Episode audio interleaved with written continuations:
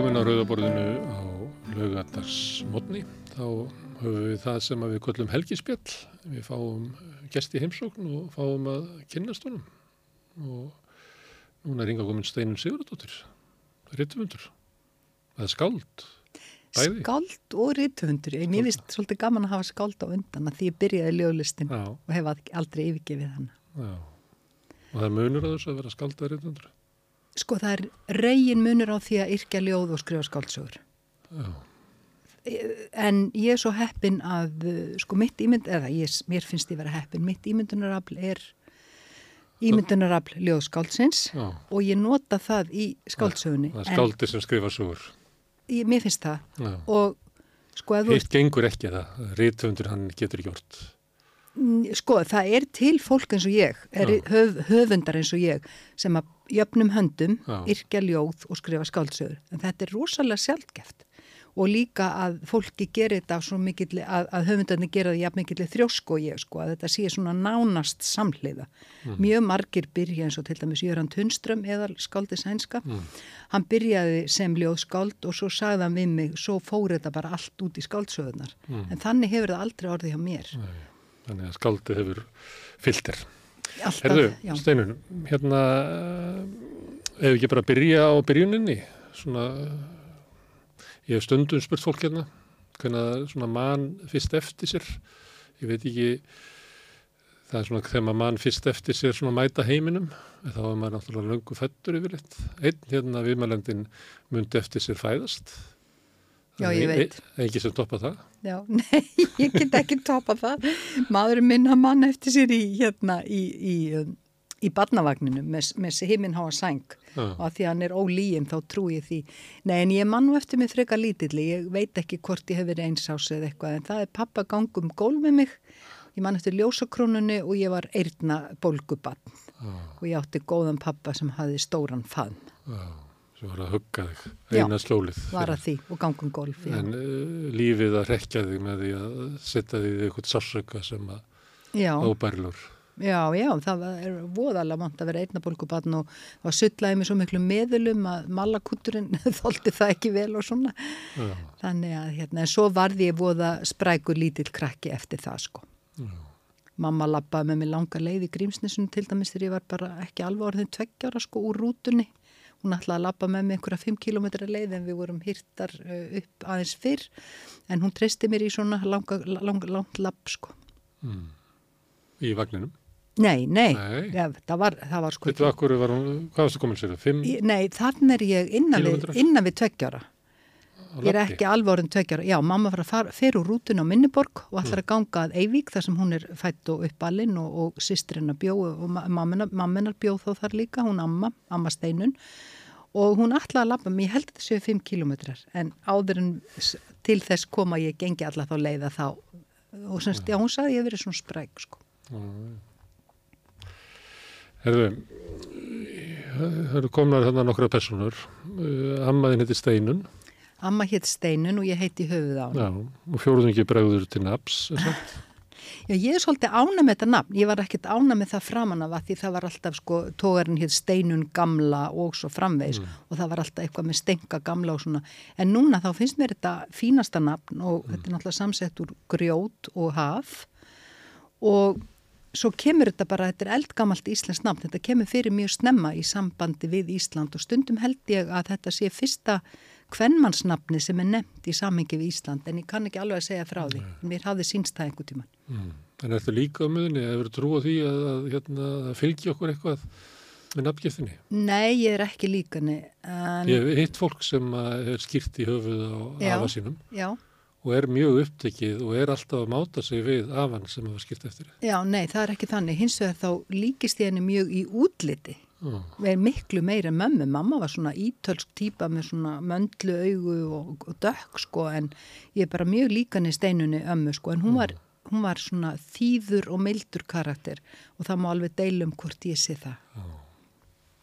En uh, pappin sem blíði faðmur, hver var það?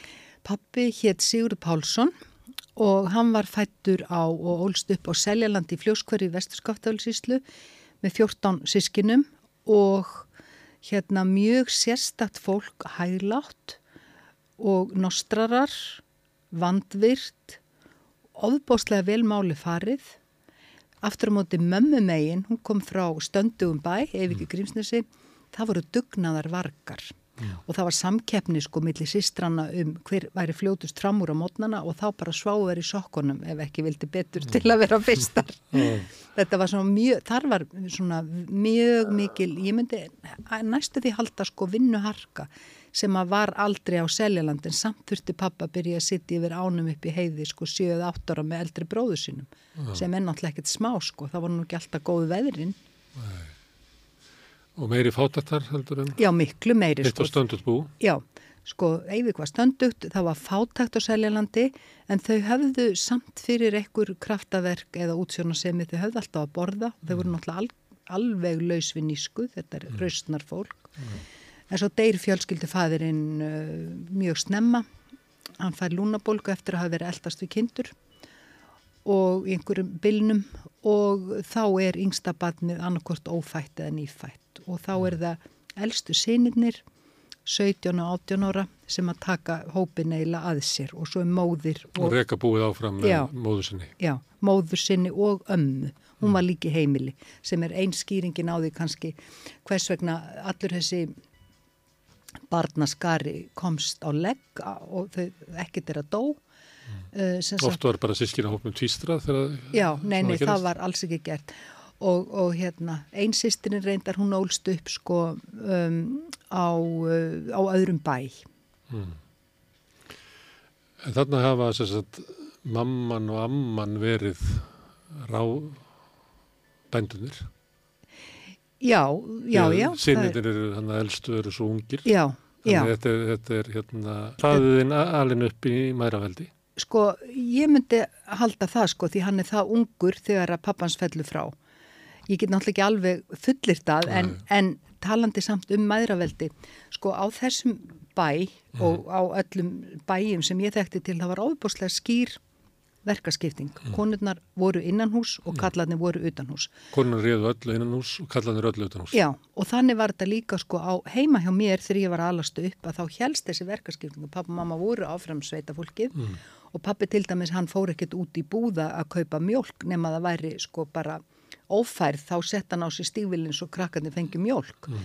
en, en mamma sá um allt innan hús sko, mm. og hann bara skaffaði þánga til að mamma tók sér til og fór að vinna aftur sem hjúkurnarkona eftir 30 ára hlið mm.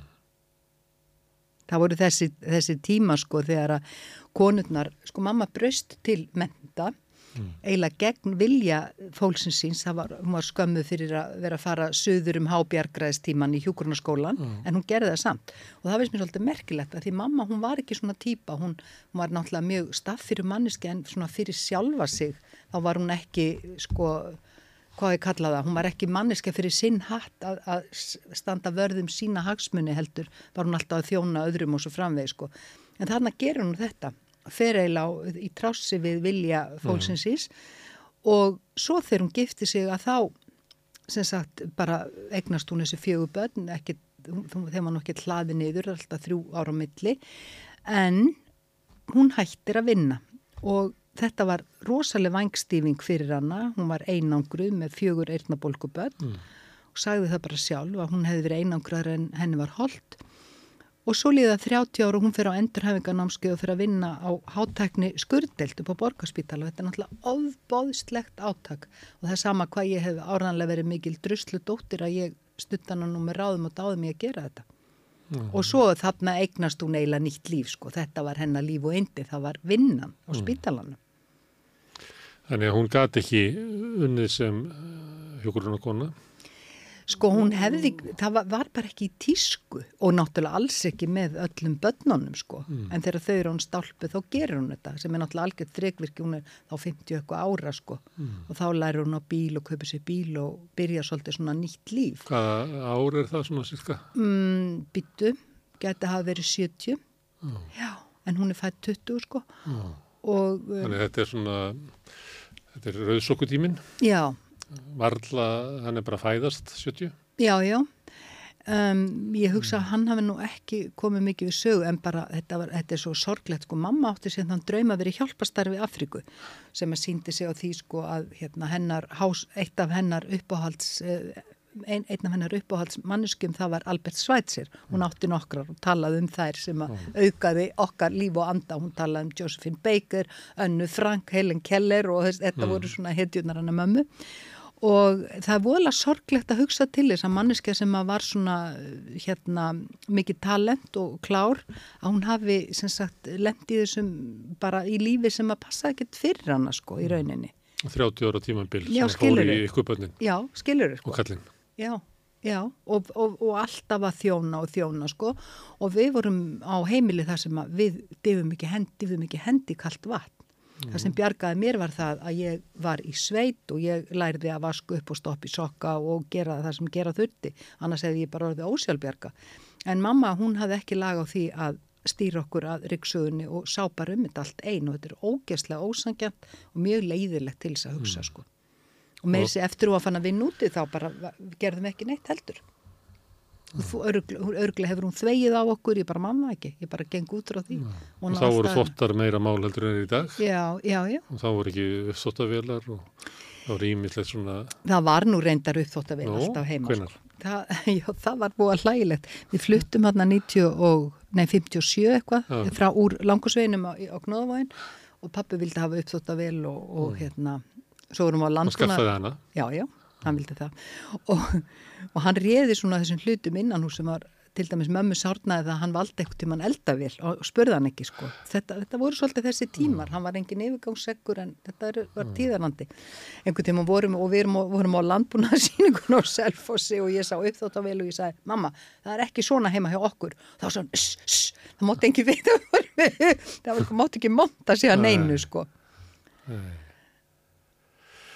En hérna pappiðinn, hann uh, starfar við eitthvað? Góðu skaffari? Já, mjög góðu skaffari. Pappi var vörubílstjóri mm. og hérna háði náttúrulega svakalega harða lífsbaróttu og ég verði bara að segja eins og er ég skil ekki hvernig fólkið í þessu landi hefur lifað jáfnvel mm. ekki svo sent sem sko pappi fættu 15 sko þessi bílar sem að þið voru á til að byrja með, þetta voru náttúrulega bara kassabílar á hjólum svo ætlaði pappi að hérna fara að fá sér miðstöð það bara eitthvað svakalegt hérna tækni undur mm. og honum var sagt blessuðum að láta það eiga sig því hann myndi bara fá lúnabolgu þegar hann fær út í kuldan mm. hann fekk sér nú samt miðstöð og hann var me meðal annars var hann í miklum, hann var í kjötflutningum í Króksfjörðanis og hvernig þeir bara lifðu þetta af í hálkunni, mm. myrkrinum á handónitum vegum og handónitum bílum Já. það er bara klikkað og þetta er svona þegar kampandi voru stórhættulegur Já, hann þurfti nú alldeles að koma þar við sögu því hann var líka mikið í mjölkuflutningum á Selfoss mm. og hann var sem sagt mjög harsnúin í sínu starfi og voru pappa og mamma bæði í vinnunu upp á líf og dauða þá mamma sem hjúkurnarkonu og hann sem vörubílstöru og til dæmis var eitt að hann hefði eitthvað lag á því að finna glöfur og fara þegar engin annar fór. Mm. og einhver tíman hafi verið spurt um veður og það var sagt Sigurður Pálsson náttaði sig á selfossi og það þýtti að það var algjörlega ófært. Og um einhver sér þetta að fara. Mm. Þannig hann var svona hörgukall Hann var Í þessu, í vinnu, vinnuharka. Um, það var sagt um hann Dúlur. að eh, það var sagt um hann að Siggi væri gangandi sönnun fyrir því að það var ekkert að drepa sig á vinnu. Nei. En hann var að upplægi blóð latur, sögðu sískinans. Nei. Þannig að þetta er bara stórmerkilegt og það var opast. Það var eitthvað sem sagði við mig sko, hérna, eins og aðri duglegir menn er ég húðlatur. Já, það er nefnilega. Ég man ekki hvert sagði þetta Nei. og ég man eftir. Það stundu fyrst mér þetta að passa sko. Já, þarna held ég það sko, að geti verið en, mm. en sem þetta var búið gaman að koma í bílskúri til hans. Hann var algjör snirtupinni, allt á sínu stað. Mm. Svo gerðan við bílana áður en við bíluðu. Hann mm. smíðaði sjálfu pallana og Scania Vapis bílana. Við höfum nú átrúnað á Scania Vapis. Hann var einn af þeim allra fyrstu sem kom, kom á svoleiðsbíl og við fyrirlitum Mercedes-Benz vörubíluna og hérna uh, og sem sagt var algjör nákvæmnismæður og alltaf allt sko bílarnir tandur reynir og bónaðir og, og kom sér rosalega vel allstar, hann var skemmtilegur mm. hafði þessu fína framkomu mm. og hérna já, var svona mjög stór karakter. Það virkaði félagslega líka, hann var ekki bara svona eintránungskall sem að sótti metna sinni í því að standa sér vel í vinnu Nei, nei, nei, nei, og hann var eftirsóttur líka bara því að hann stóð náttúrulega alltaf svo stafur á bóku, það var náttúrulega klikkað með fyrir að hugsa um þetta sko. Hann fór mjög oft út á land fimm á mótnana til þess að vera undan umferðinni og þá fór mamma upp með honum kannski um tvö og þrjú leitið, hittaði kaffið og gerði nestið og, og svo fór hann á undan öllum og það fréttist alveg af honum með hlössin, hann kerði greitt þegar enginn var í bílnum með honum. Mm. Mammaðinn alltaf heima Já. Og sinnir bara eins og sér eitthvað hostel fyrir ykkur. Já, já, já. En uh, fjóðsískinni mm. með þessi fóröldrar mm. var þetta svona ástrykt bensku heimili? Fannstu fyrir því að þú væri elskuð og velkomin? Já, já, já, já. En þetta... Nei, þetta voru svo ólíkir tímar. Já. Bara þetta manni var ekki rósað af foreldrum sínum. Nei. Þau gáttu rósað vinumanns en ekki manni sjálfum mm. og það eru svo margir að minni kynslu sem segja sömu sögu, til dæmis ein vinkona mín, Mikil Nagli, hún hefur sagt mér oftar en einu sinni eina sögu sem sínir mm. þetta vel og hvaða situr í henni. Mm. Hún semst var komið frá útlöndum, semst hafi verið í útlöndum og þurfti að ná upp heilmiklu námsefni sko hér að, semst að hætti skólans á Íslandi. Og hún stóð sér alveg rosalega vel. Mm. Svo er vinkonennar heima hjá henni sem er líka góð í skólanum og það eru gestir. Mm. Og foreldrar hennar þau eru að mæra vinkonuna fyrir hvað hún hafi staðið sér vel en e, sögðu ekkert um sín eigin dóttur. Mm. Og henni sárnaði þetta þannig að 50 árum eða 60 árum setna þá er hún að segja með söguna oftar en einsinni. Mannur þetta. Hvað sér þau? Það var mannur þetta. Já, já, já. Nei, var, það, það, var, það var bara ekki lenska. Rósa bönnu sínum. Nei ekki spillaðu með rósi. Já, það, þetta er mjög skrítið mm. og svo kemur kynsluðun á eftir og, sko, senut, og, og þar á eftir og senutna sem maður hefur orðið vitnað eins og til dæmis í búnisklefanum í sundlegunum þegar lítil stelpa eitthvað um tveggjára er að tósa svo sokkabúsunar og gengur bara nokkuð vel og mammina segir við henn að þú ert algjör snillingur. Mm og hvað ætlar hún að segja við hann ef hún teiknar einhverja mm. yfirmáta flotta mynd mm. eða og svo framlega. Og mér er að pendullin sem komið kannski aðeins og langt í hináttina. Já, með mér finnst það sko. Já. Það er bara allir snillingar og, og eitthvað. Það, þetta er, hérna, ég held að það sé sko ekkit holdt heldur. Já, það er hérna að benda á það í rannsókn á samaburði og viðtölum við mæður, hérna, líklega svona kringum 70 og svo í dag eina breytingun sem verður að mæður í dag tala oft um börnin sín eins og þau séu sko fái leiðsök frá börnunum. Að þau séu hérna, inspirrandi að, að, að sín barnana hjálpi mæðrunum í það sjá það. Og þetta var óþögt í kannan daga Já, já, það var það sko, það var ekki hlusta mikið á börn og þetta er náttúrulega freka skrítið og freka vengstíft sko. Já, hvernig það var? Já, það var, var ekki hlustað, ég menna ég var sendið sveit og vildi ekki fara og, og, og, og let það í ljósi og og það var ekki, ekki gott mál svo endaði ég í skaftafelsíslu og það var stórkoslegt að vera þar en það var bara miklu setna sko ég tók nú í rauninni smá skada af þessu sko þó, ég, þó það var engin vondu við mig þá var þetta bara Meinar að það hafi ekki verið hlustað og hvað þú vildir Já og ég, ég, ég tók líka skada að því að, að vera á stöðum þar sem ég var lítil og óörug og þekkt engan og, og, og svo framveg sko. Mm. Það er alveg klárt mál. Og hvernig skada? Bara óörug og kvíða og, mm. og svona sko sem að sást ekkert utan á mér utan á mér var ég, utan á frá síð var ég staffiri og svo greitt maður sér í svefn á kvöldin og var einhvern veginn svona skítrættur og það er bara þetta mm. að vera sendur í burtu svona pínu fimm ára skilur mm. það er mjög, já Ég hef talað hérna við uh, sálfræðinga og fleiri um okkur börnunum okkar líður ítla og þá var svona kemur meðlan að setja fram að það sé svona að sé undanlótt sem ekki akkvæmt börnunum og þá hefur við að tala um að það sem að börnum vantar helst í dag er sigla. Það að, að láta sér leiðast að þurfa að fara í gegnum erfiða tíma. Það er hinn hliðin á, á uppbeldur þínu að fjastu siglu og Sko það lítur að vera vegna þess að ég byrjaði að hérna það er að verða 60 ár síðan ég byrjaði að skrifa og ég er ennað þannig að það hlýtur að vera segla mm. en hérna ég held að það nú verið hægt að verða manni útumanna með einhverju öðru móti sko en ég er alveg sammála þessu sko manni hundleitist oft mm. og það held ég að hafa verið holdt mm. því maður bara las og las og las og það er mitt vega nesti að, að mjög stórum hluta. Það var ekkert að gera í Reykjavík þegar ég var allast upp annan að vera í sundi og fara í borgarbókasamni og maður fór kannski tvær, þrjár ferðir á dag með strætó og ég var, las, var hraðlæs mm. og mátti ekki taka nema þrjár bækur. Mm. og svo var maður í sundi og það var auðvitað hrút leiðinlegt því er ekki að neyta og svo kom ég eins og í sænskan smábæ ég átti að fara að tróða upp þar og kona sem tók á móti mér á breytastöðinu sagði, hér er allt sem við þurfum sundlegu og bókasam oh. og ég sagði bara, ég man ekki hvort ég sagði ha ha. Oh. en jú, jú, ég lík þessu. Auðvitað oh. fór maður stundum í bíó og það voru náttúrulega leikúsin í Reykjavík sem ólumann ótrúlega upp. Og ég fekk að fara alveg fullt í leikúsið stundum með mömmu og stundum ekki. Og þetta eru ógleimanlegi hlutir. Mm. virkilega ólumann upp að einhverju leiti sko Þið voruð í Gnóðavóinum? Já. Eh, þú tekur stræt og í bókasafni var ekki komið bókasafni upp í Sónheim? Nei, ekki svo í munni. Og það var æðislega gaman að koma í þingkoltið, þingkoltstrætið. Þetta fallega, dásamlega hús. Mikið sé ég eftir safninu úr þessu húsi. Já, já.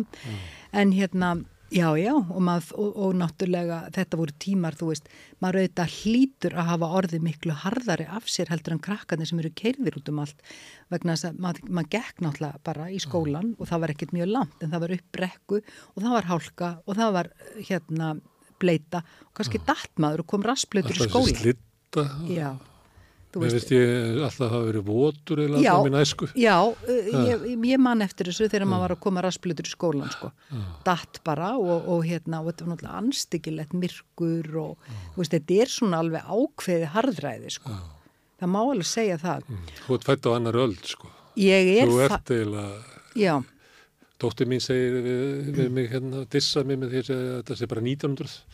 Við vill ekki, ekki hlusta á... Já þegar ég er að segja hvernig þetta var Já. þetta sé bara tilirið bara, bara laungulegnu tíma sem er á ekkert erindi við nútíman Sko hugsaði það ég hef væntalega verið fimm ára og með sex ára vinkunum minni og við erum að koma úr tímakenslu á Hraunteig og það er svo mikil snjókoma og hún átti heim í laugarásnum. Við vorum möguleg ekki við hefðum myndin vennilegum kringustna kannski verið 5 minútna ganga eða 7 minútna frá húsinu hennar eða eitthvað svo leiðis en við urðum skítrættar og grenjandi og leituðum, leituðum skjóls í húsi bara hjá okkunnuðu fólki. Mm. og pabbi kom og sótt okkur sko. En hugsaði þér það var ekki hugsað fyrir þessu. Nei, Nei, með þú eh, hérna þér er ekki rósað en þú finnur fyrir að þú sért velkominn og elskuð eða hvað? Sko, þetta er svo dullafyllt mm. hvað maður drekkur í sig með móðmjölkinni það er nú eigilega svona með því dullafyllsta. Mm. og þegar ég segi að papp og mamma hafi verið í vinnun upp á líf og dauða þá er ég eiginlega í vinnunni líka upp á líf og dauða. Uh, það var svo hlægilegt að það kom gömul kunningakona til mín og selfhásundaginn með vinkonu. Hún hafði unni með mömmu. Og hún sagði þetta er saminsku samasti helbrið starfsmöður sem ég nokkuð tíman komist í tæri við hún unni sér allar kvildar, hún settist allar niður og gekk um með áhyggjusvip og alltaf að nótir eitthvað hjá sér. Mm. og það er náttúrulega lýsingin á mér með áhyggjusvip og alltaf að nótir eitthvað hjá mér. Sko ég held að bæði pappa og mamma hafi haft einhver að trúa mér og einhvern metnað fyrir mína hönd sem að var aldrei sagður. Ég held það, mér gekk vel í skólanum. Og já, ég var uppáhaldið á kennurunum og ég held það að þau hafi haft það og fyrir hönd okkar allra sko, það er ekki bara mína en, mm. en Þannig að já. þú hefur fundið fyrir svona trösti að þú gætir uh, valiður eitthvað lífslið Það hlýtu bara að vera sko en allt ósagt. Þetta er skilistuströst og það er ekki að standa tiltekna eða hvað, þurftur að standa þig til þess að fá tröstið þetta er nú svo fyndið, ef ég fekk tíu í einhverju og kom blaðskellandi heim. Mamma, mamma, ég fekk tíu. Þá sá hann, já, passa að fá tíu næst. Og um, en hún var Þetta svo... hljómar eins og svona miskunnarlöst yfir sjálf sem það er alveg sama steinu mín hvað stendur þig vel. Þú getur alltaf staðið betur. Já, þetta hefur nú kannski bara hjálpað mér í minni vinnu, ég er aldrei ánað náttúrulega. Þannig að hérna, maður ætti kannski bara ætti að þakka þetta sko en já, þetta eru svo dullafulla leiðir já. og þetta er svo flókið líka af því að tíðarandin var svona það mátt ekki rósa og, en ég held þú veist að þau voru stolt að mér, ég meina ég byrjaði að snemmi bladamennsku og frettamennsku og, og svona, já, þannig að ég, þau, þau voru það áræðanlega og ég fundi það eftir einhverjum krókalegin þó það væri ekki sagt við mig, sko. Elskuðu hvort annað, má ég spyrja því? Fórlega? Já, já, já, já, þau gerðu það. En þau voru ótrúlega ólík. Ó. Alveg ótrúlega ólík. Pappi var svona... Uh, Já, pappi hann var til dæmis, hann var, hann var svona hæglátur í umgengni en mamma mm. var svona blaðskellandi sko. Mm. En þau til dæmis töluði rosalega mikið saman mm.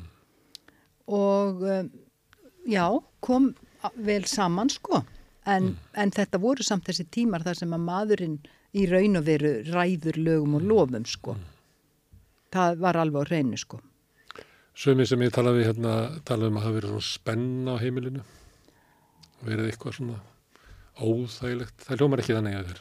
Nei, það get ég ekki sagt sko, það get ég ekki sagt.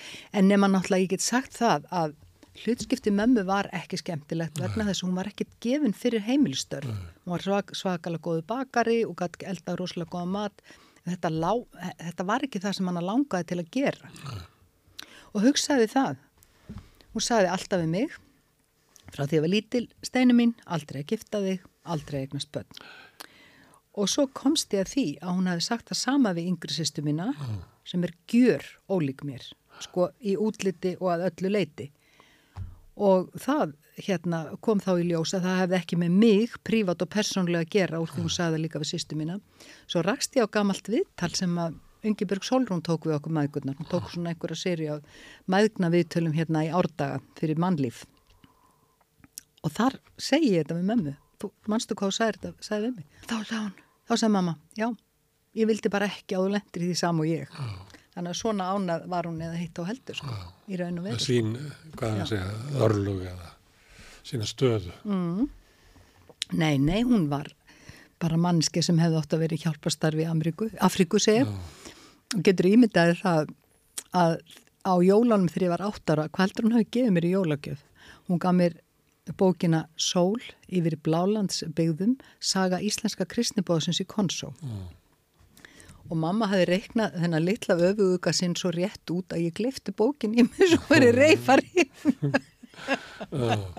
en þá sér maður líka á þessu hvað hann var að hugsa og En hafið þú þennan draumum að fara hérna út í heim þú, þessi hetjunar en að mömmuðina sem út að nefna Albert Schweitzer, Helen Keller þetta, hérna, ég, þetta var haldið að mér þegar ég var bann. Já, var það? Já, já þetta var svona í bóka sem ég las ápil upp í sólum bók, bókarsamni þetta var alltaf verið að halda okkur þetta var hérna, hvað við segja, góða fólkið á þeim tíma þessu verið fyrirmyndinar já. sem að hérna fórnuðu svolítið svona mm. eigin persónulega lífi með að gera eitthvað sem að gagnaði þeiminum. Mm, mm. Þetta, svo voru náttúrulega einhverju yðnjöfara sem að lettu sig í þessa bókaflokka eins og Henry Ford og Thomas Edison og eitthvað svona en, en þannig að ég, fættist líka í eina heim þar sem var ekkert að gerast þannig að mér, það var haldið að mér sömu hetjurum og mömmuðin sko, það var, það var svo lítil tíminn bara reyfðið svo rosalega hægt. Já, já, nei það var ekkert að gerast sko. Nei í þessu bæ hérna. nei, nei, nei, bara ekki sko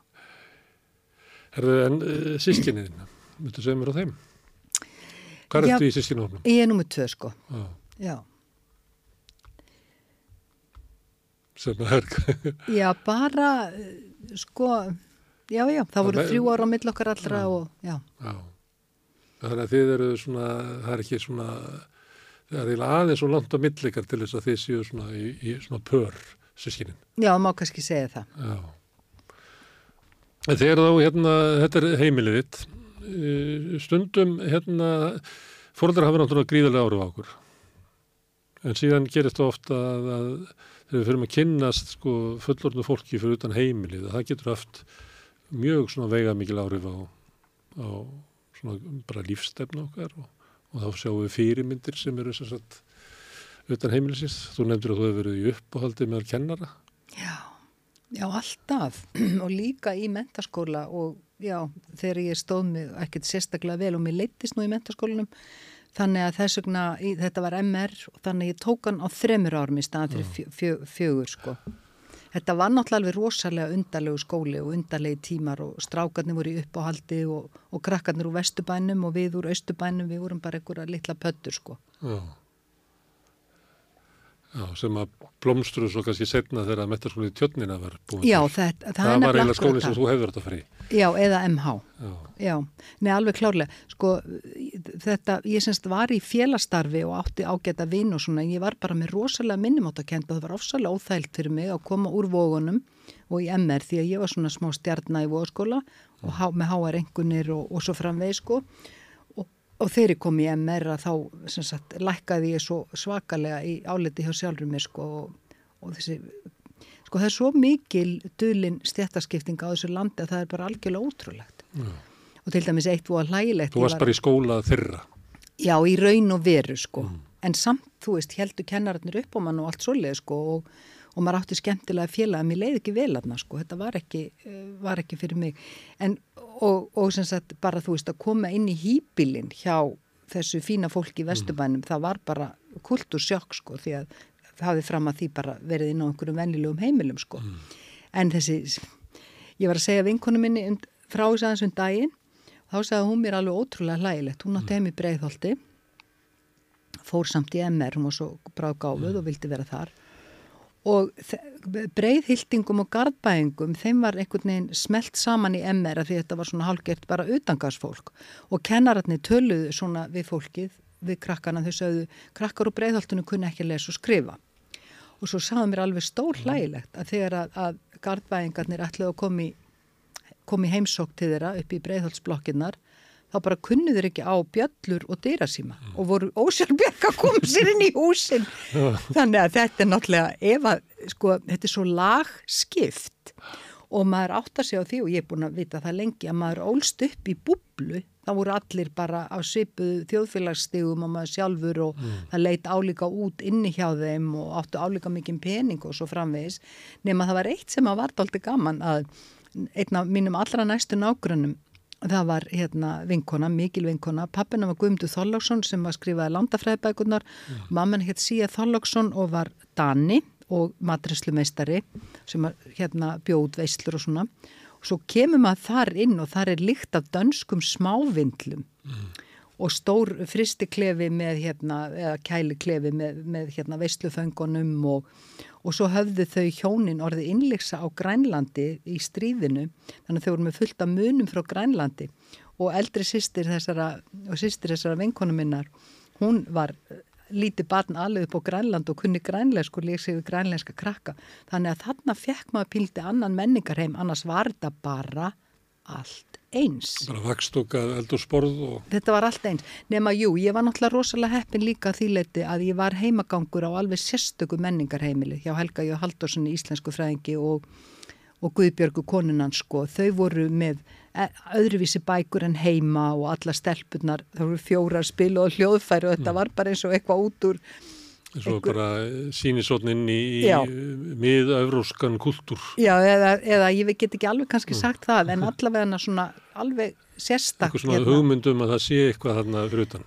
Já, já, já, já, og, og líka, en, já. Tímabilið sem ætla að lýsa er svona tímabilið sem er talað um í dag svona sem það sem hafi verið minni stjættskipting, þó svo hafi verið stjættskipting, en hún sé orðin grimmar í dag. Já, ég, ég er næstu því viss um það, að því núna er fleira fólk sem er ábyrrandi fátækt. En þarna til dæmis hugsaði það að ég kynnist aldrei neinum sem er alvöru fátækur. Kanski svona á einhverju grensu en ekki samt, svo, þannig séð sko. Ég, ég er alveg vissum að þessi stjættaskipting, svo bara líka þú veist, þegar maður er að byrja að koma til útland og maður er að útskýra Ísland fyrir kunningin sínu, þá segir maður, já þetta er svona land þar sem engin er stinging ríkur og engin er mjög fátakur og þetta er ekki svona lengur. Nú er fullt af fólki sem á rosalega mikið pening mm. og og, og rosalega margt fólk sem er hérna, mjög fátækt og mér er alveg sama þó fólk að ég fylgta peningum en ég vil ekki að það sé fátækt í þessu landi og hún er mm. og það er óþarfi mm. Það var líka kannski munur þegar ég var ungur að þá var maður kannski ykkur í sömarvinnu mm. og þá voru það krakkar og strákar af alls konar heimilum. Ég er ekki vissum að það sé þannig í dag að, að það blandist saman sko stjettinnar. Fyrsta legi þá er held ekki, held ég fólk var ekki mikið í sömarvinnuna. Nei. En, en hérna, ég held að það sé frekar þannig að, að fólk af efnaðri heimilum fer bara eitthvað annað. Þannig að það sé. Og svo náttúrulega er það ástandi á húsnæðismarkarum sem hefur afhjúpað stjættaskiptíkuna svolítið fyrir ungu fólki þar sem það eru bara börn, eða sérst ungt fólk sem á fjárstert bakland sem getur eignast húsnæði. Hinn eru dæmdir á legumarkaðin.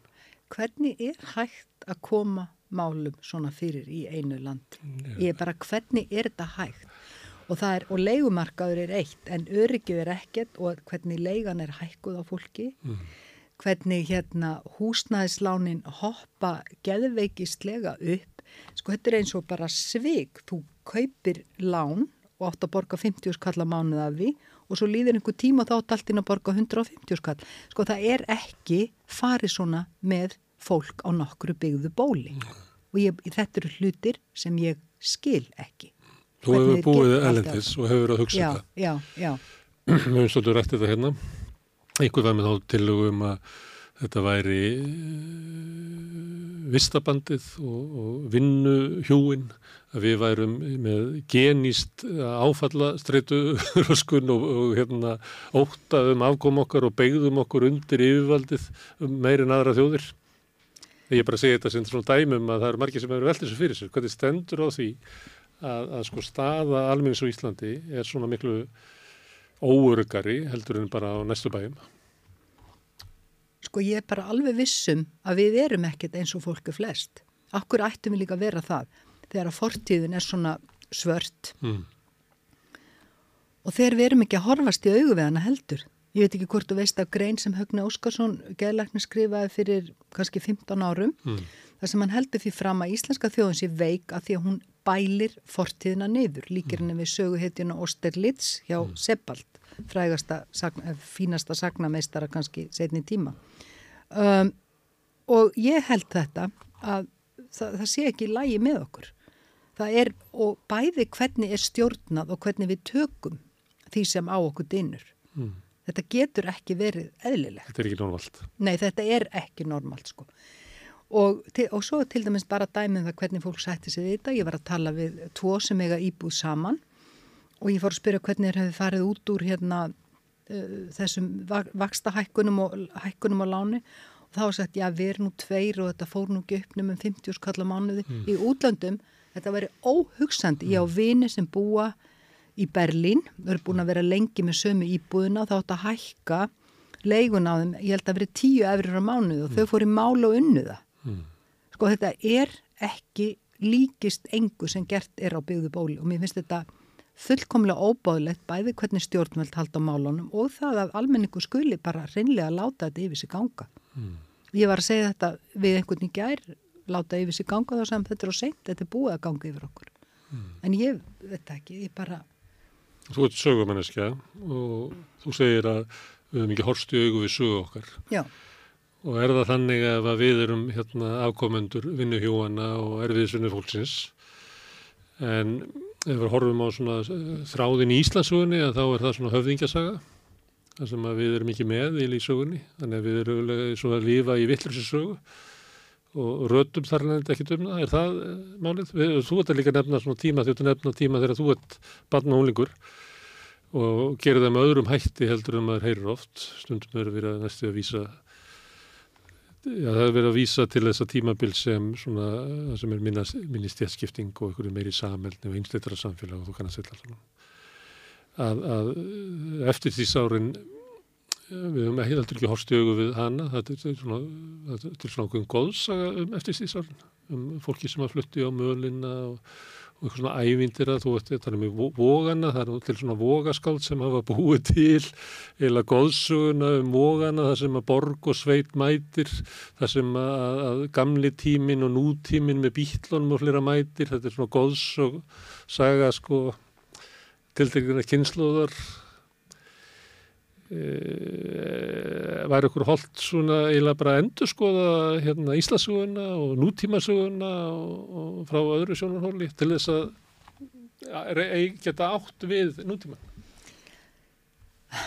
Það er algjörlega á hreinu að við skoðum ekki nóg hver við erum. Mm. Það er algjörlega á hreinu. Og ég meina meðal annars þá erum við algjörlega traumatisera fólk. Meina eldgós, náttúruhamfarir, þjóðin var næstu því útdauð og til dæmis í þáttunum um skaftarelda sem voru, voru í útvarpinu. Mm. Þar eru sko raktar einstakar sögur mm. fólk sem að deyr á hræðilegan hátt mm. og það er ekki það sama að heyra 70 dói þarna. Sko þetta er, þetta er bara eins og hryllingssaga úr helviti. Þetta, uh, og þetta er svo stutt sem við gengum í gegnum. Gengum í gegnum og þetta er svo stutt síðan og við kunnum ekki að segja þessu sögu. Alls ekki og alls ekki höfum við átt á okkur á afleggingunum af henni. Í þessari nýju skáldsögnu minni, minni þarna, ból mm. þá segir söguhetjan að við séum ábyrðalust fólk og við séum það vegna þess að við höfum lífað í gegnum þessar náttúruhamfarir, það kemur eldgós og svo hætti það og svo bara byrja næsta. Og hvernig, á hverju eigum við þá að taka ábyrð þetta hefur haft einhver rosaleg áhrif á okkar þjóðarsál. En við látum bara eins og við höfum allan tíman verið rík þegar við byrjar ekki að rætast úr fyrir kannski um 1950 það er svo stutt mm. síðan. Og ég menna kreppa árin hérna og allt þetta fólk bara lifði við ólýsanlegar aðstæður. Mm. við þurfum að skoða þetta og aðtuga sem sagt hérna hvað er í gangi með okkur og er það út af þessu ef það er rétt sem að Þorvaldur Þórðarsson, eldvillafræðiprofessor, hann segir á þessu landir er menn mjög góðir í því að bregðast við mm. þegar eitthvað kemur upp á en afleiti öllu sem fyrirbyggjandi heitir mm. Mm. og, og vantar í okkur fyriríkuna já, og Vigdís Fimboðdóttir hefur sagt oftar en einu sinni að við hérna, það skorti fórsjálni hérna og hún hefur líka sagt að hérna að, að, að, við, að við hyggjum ekki nóg að fortíðinni. Mm. auðvitað eigum við ekki að reyta hárokkar yfir því að hversu ömurleg fortíðin á landinu var en við eigum að skoða þetta og hvaða áhrif þetta getur haft, hafa haft á okkur. Og til dæmis talandi um sko hérna hugarfar mér finnst þið er í gangi hérna á Íslandi ákveðin þjöstnaháttur mm. það er rosalega mikið um einelti og uh, til dæmis bara áleg á einhverju tímabili þegar þetta kemur upp í samtali við, íslensk, við mentamanni Reykjavík já, dóttir mín lendi í þessu, hún þurfti að fara hérna, færa sig á milli skóla sveitakon og afskektum bæs öll bönni mín lendi í einelti sveitaskólanum, hún enda á því að flytja með það síðasta uh, búferlum mm. um einn vettur til að það lendi ekki í þessu og svo er eitt helviti fint nýtt dæmi sem ég er enda búin að vita lengi af Björg Eva Ellinsdóttir sem er nýttekin við hjá Landvend mm. hún segir að náttúruvendafólk sæti, hún orðaði ekki þannig að sæti ofsóknum en svona næstum því að það er allt gert til að þakka niður í sveitastjórnunum og svo framvegis. Og ég til dæmis þekki dæmi um tvær náttúruvendakonu sem hafa lengi barist í sínu fáminna sveitafélagi, það eru báða farnar og mjög feignar andaléttar Sko þetta eru stór alvarleg mál og það þarf auðvitað að dokumentera þetta. Mm. Þannig að það er í okkur einhver heift og þjöstnaháttur sem að mögulega skapast af því að við höfum verið að takast á við ómögulegar aðstæðu svo lengi. Mm. Veit ekki, í svo Nei. langan tíma. Nei, það er mert í þessu. Þorvaldur, hérna, hann er doktor í skatturöldum þess vegna er hann kannski með öðruvísi sín á eldfjöldin, hann er það sem er hryllilegast að sem er vestu afleðingar fyrir hérna, samfélagi sem að hugsa skettur þess vegna er hann með annað sjónurhóttur en að tala um eldgós og, og mögul, hann, hann nefnir það sem að getur verstgerst þegar aðrir kannski jarðfræðingar uh, uh, gera það ekki vegna þess að það er óvinsalt að, að Sko við þurfum að velta þið fyrir okkur hvort að hérna, þeirra heita vatni fór af í, í, á söðunisjum hvort að, um, hvort að það hefði þurft að gerast þegar það var búið að vara svona eindreið við því og mm. ekki bara þorvaldur, heldur, mm. orkumálastjóri og svo framvegs átt að gera ráðstafanir. Það er hins vegar sannast þetta sem þorvaldur segir að viðbræði við þessu mm. er sko hljómar þessu eitthvað kraftaverk og þegar mér er sagt að það sé lagðu vegur yfir nýrunni raun þá hugsa ég bara er þetta vísindaskálskapur þannig að það, er, það má aldrei ruggla þessu saman. Ég meina þessi menn sem að hafa starfað þarna þeir hafa gert eitthvað sem er bara gössamlega ótrúlegt. En það breyti því ekki að spurningin hlýtur að vera þurftið að gerast? Og ég sá viðtal við hótelstjóra Suðunessjum sem að sagði þurft að koma 200 manns á ekkert annað hótela því að það var kallt hjá honum, hann þurfti að koma mm. undir Reykjavíkur og hann segir það var forgámsraðað vittlaust og hann kendi HS orku um það og sveitastjórnunum mm. og ríkistjórninni en sem sagt sveitastjórnunar seldu þarna HS orku til einhverja útlendinga hluta af henni mm. og, og svo er verið að tala um sjálfstæði og fullveldi í sambandi við EES en hvað með að selja svona innviði til útlendinga? Er mm. þetta sniðugt? Er mm. þetta öryggi? Bæði þetta og svona greiðslumiðlunin og hlera, það er búið að selja allt, það er búið að selja innviðina úr símafyrirtækjunum og það er búið að selja allt saman til útlendinga. En að, þú sagðir eitt það er ábyrðalýsið og það er að við verðum fyrir einhverjum áföllum, eldgóðsum eitthvað svona og svo bregðum við bara við. Mm. en þar er þetta tekur engin ábyrð að því að kemur bara við vitum að réttandu hodnið er bara annað áfall. Þannig að sem að við teljum okkur trúum að við líklega getum ekki búist við kannski getur við að freka núna þegar við uh, jarðfræðingandi sjá orðu ofan í jörðina og svona en, en í sjóðasugunni þá er þetta bara eitthvað áfall sem að kemur og sem að við ráðum ekki við. Áttu við þá að, að þetta valdi því að við svona eða gerum ekki hlutina upp og, og tekst ekki að byggja upp fyrir ykkurna það sé bara ingróið í þjóðarsuguna og viðbröð okkar við áföllum að við tökum ekki ábyrð og við, að því að nefna eins og með hittavituna hérna á Reykjanesi og Sunnisum að þá er til dæmis þegar að vera að tala um að fólk hefði áttað að þá er verið að segja að við skulum ekki vera með einhverja sagbendinga núna svona eftir á skýringar, þú þykist vitið allt saman núna, að það er verið að reyna að dissa allt soliðist tal út af borðinu af því að við verðum að taka upp samheldina og standa með þeim sem að, að bregðast við og þá líklega ekki að læra af reynslunni og svo tökum við bara næst áfall og þannig að sé eiginlega ingrófið í þjóðakarretan ábyrðalessi. Já, ég ætla aðeins að koma með smá hlýðar núna Já. vegna þess að það er þjóðar megin að það er reynd að koma óorði á gaggríni. Saman þó þessi uppbyggileg. Þetta er bara eitthvað klámirði, gaggríni mm. og til dæmis í sambandi við ferðarþjónustuna þú mátt ekki spurja spurninga veistu mm. hvað það heitir? Það heitir neikvæð umræðum ferðarþjónustu. Það tala niður ferðarþjónustuna. Já, sko, svona og, og þá ertu bara móti ferðamönnu. Þú mátt mm. ekki einsinu spyrja spurninga.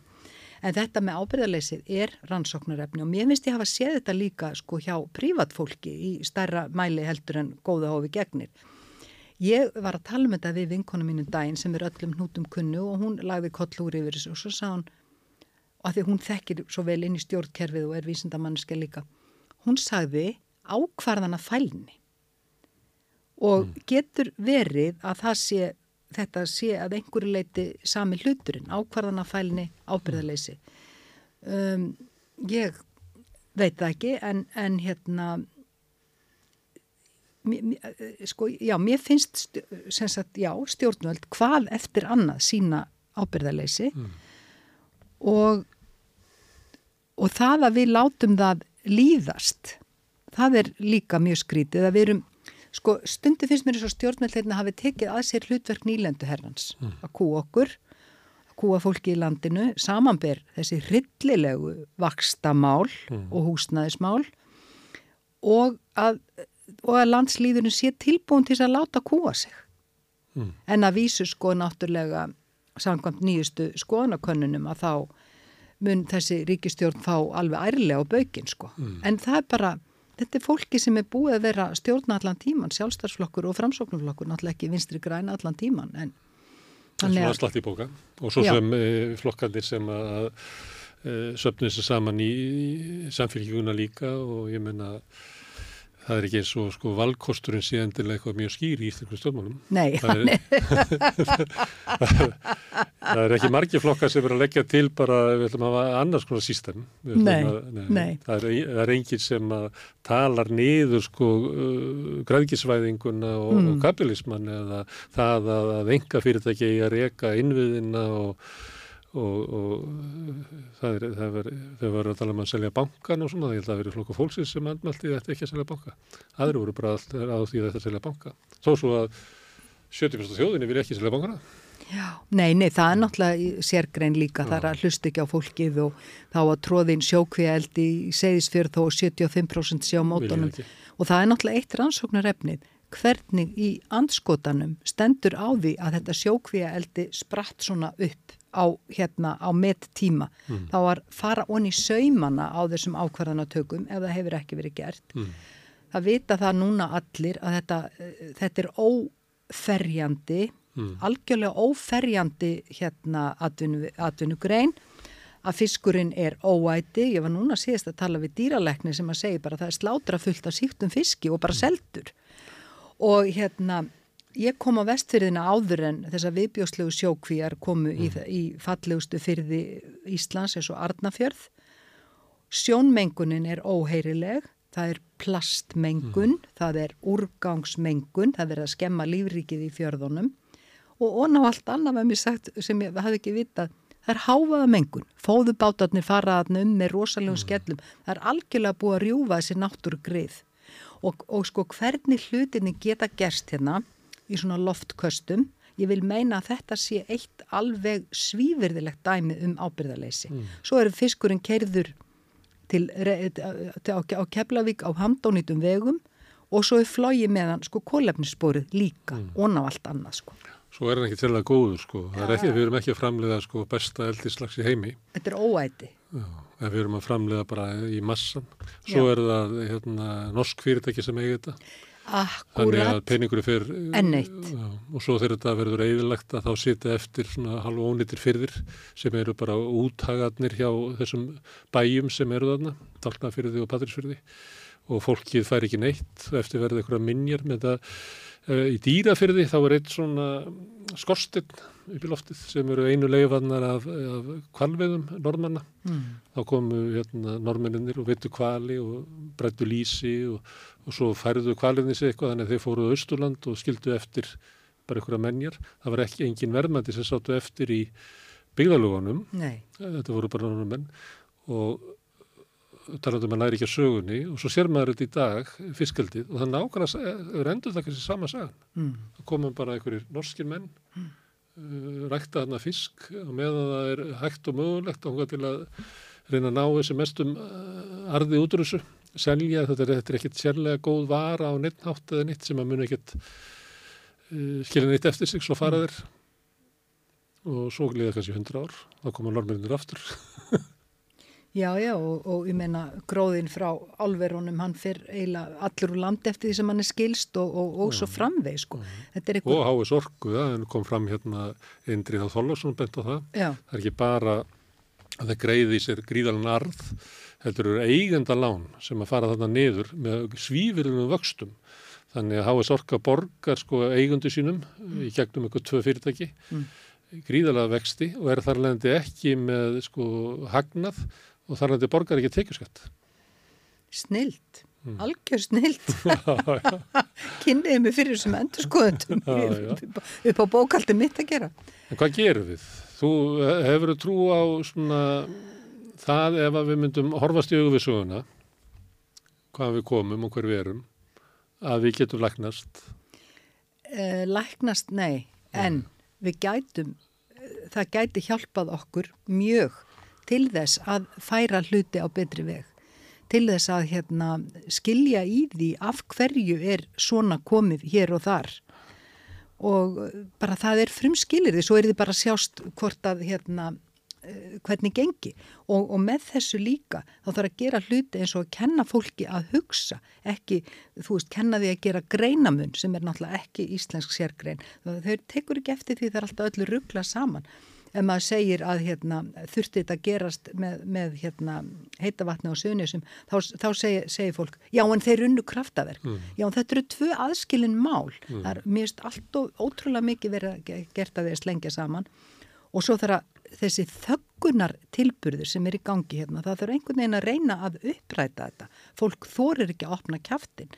Það er ofsalega hefninginni í gangi hérna. Einelti skúldur.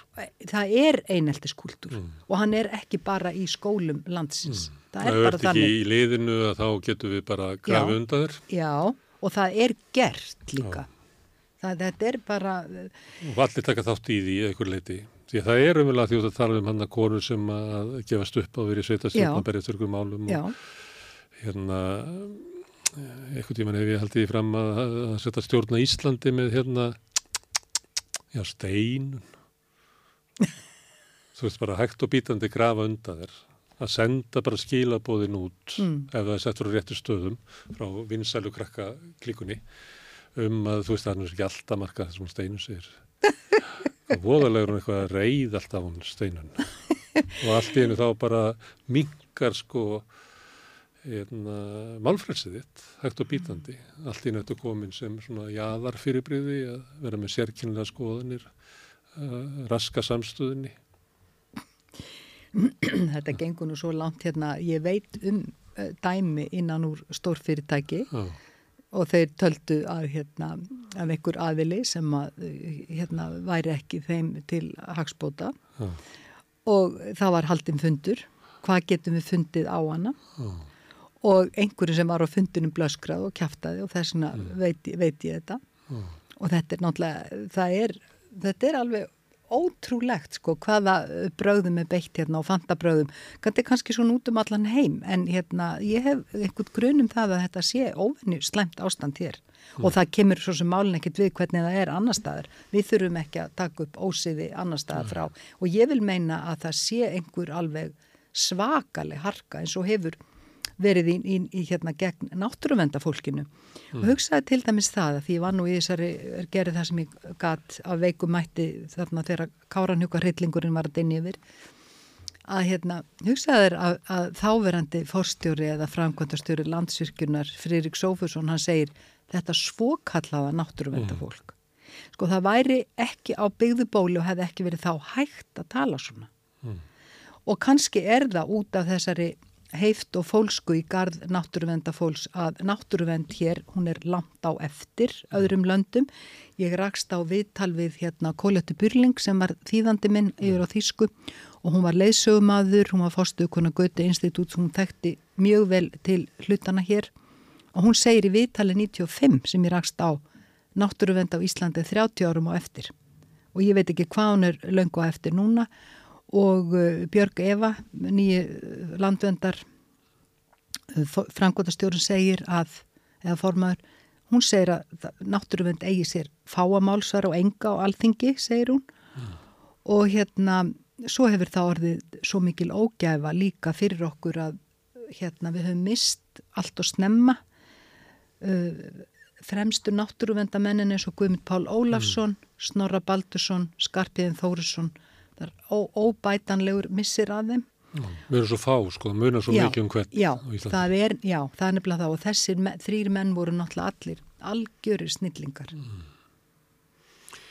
Eitt af því sem að er notað gegn náttúrunda fólki er að það séu með svona tilfinningarnar það sé ekki svona röglegt eh, í ákvörðunum sínum.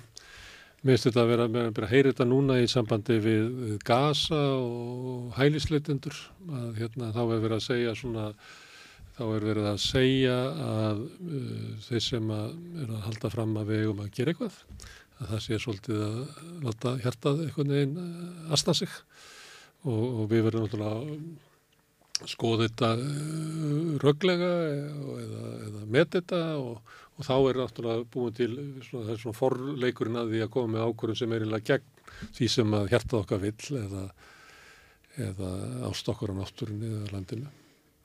Sko, þú, ert með óæðri framsetningu. Sko það er náttúrulega fyrir löngu átt að vera búið að steipa stóli þessari steipu um tilfinningarög. Já. Ég menna það stendur nú í skáldsögtu mig að tilfinningar séu einu staðrendirnar Já. og til dæmis bara í okkar lífi við munum hvernig okkur leið á einhverjum ákunnum tímapunkti en við munum kannski ekki neinn ártöl, við munum ekki mannanöfn og svo framvegi sko mm. en, en ákveðna líðan munum við þess að hattur uh, ást og svo framvegi sko og um, já, þetta bara er enn einu móðsuðan. Uh, Káranjúkavirkjun var rakalauðs þvættingur mm. og ég veit ekki hvort að hefur nokkuð tíma raunverulega komið ljós hvað hún kostaði og arðsemin, hún var lígi.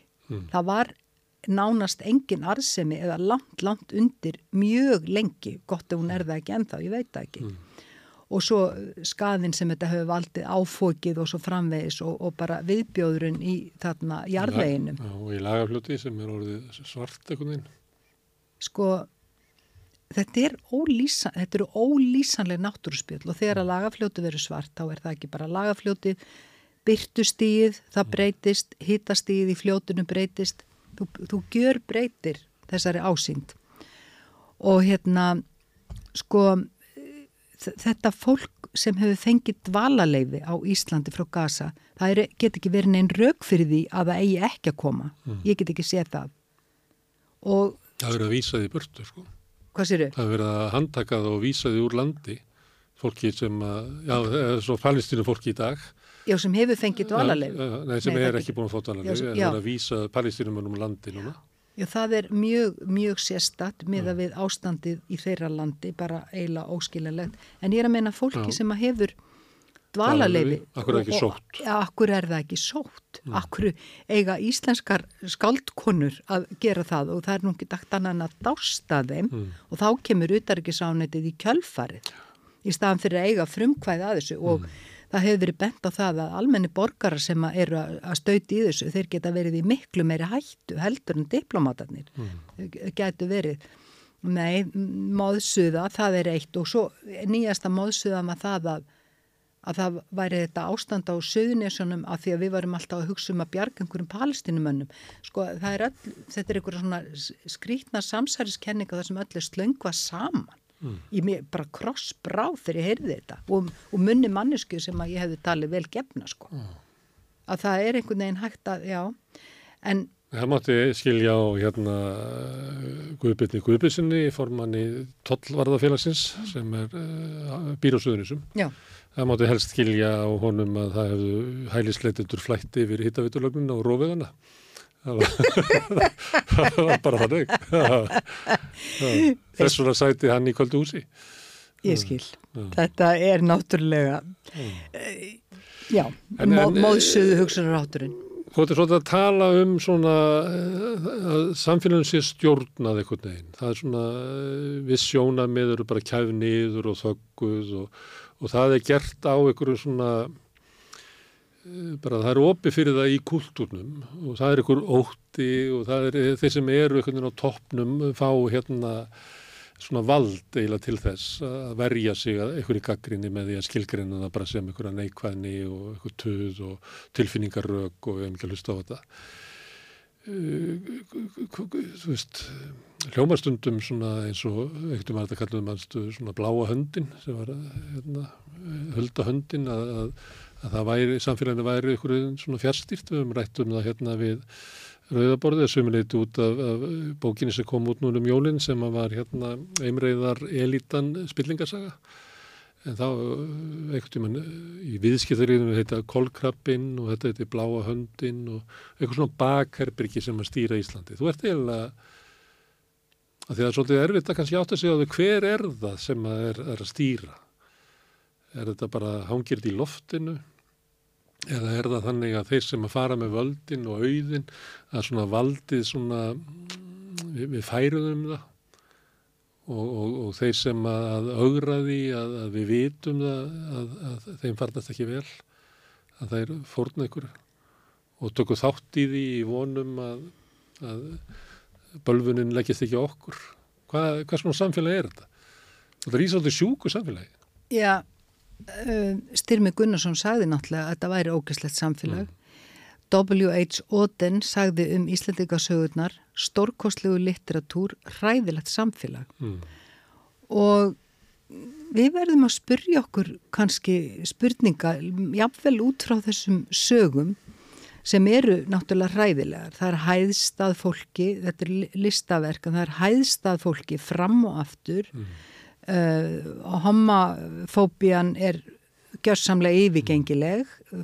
Og og svo náttúrulega verið að, að hérna drepa fólk og, og, og, og hérna og jáfnvel brosa þegar afi fóturinn og eitthvað svona. Þetta er náttúrulega þetta er náttúrulega rakin viðbjör þetta eru satistiskur húmor.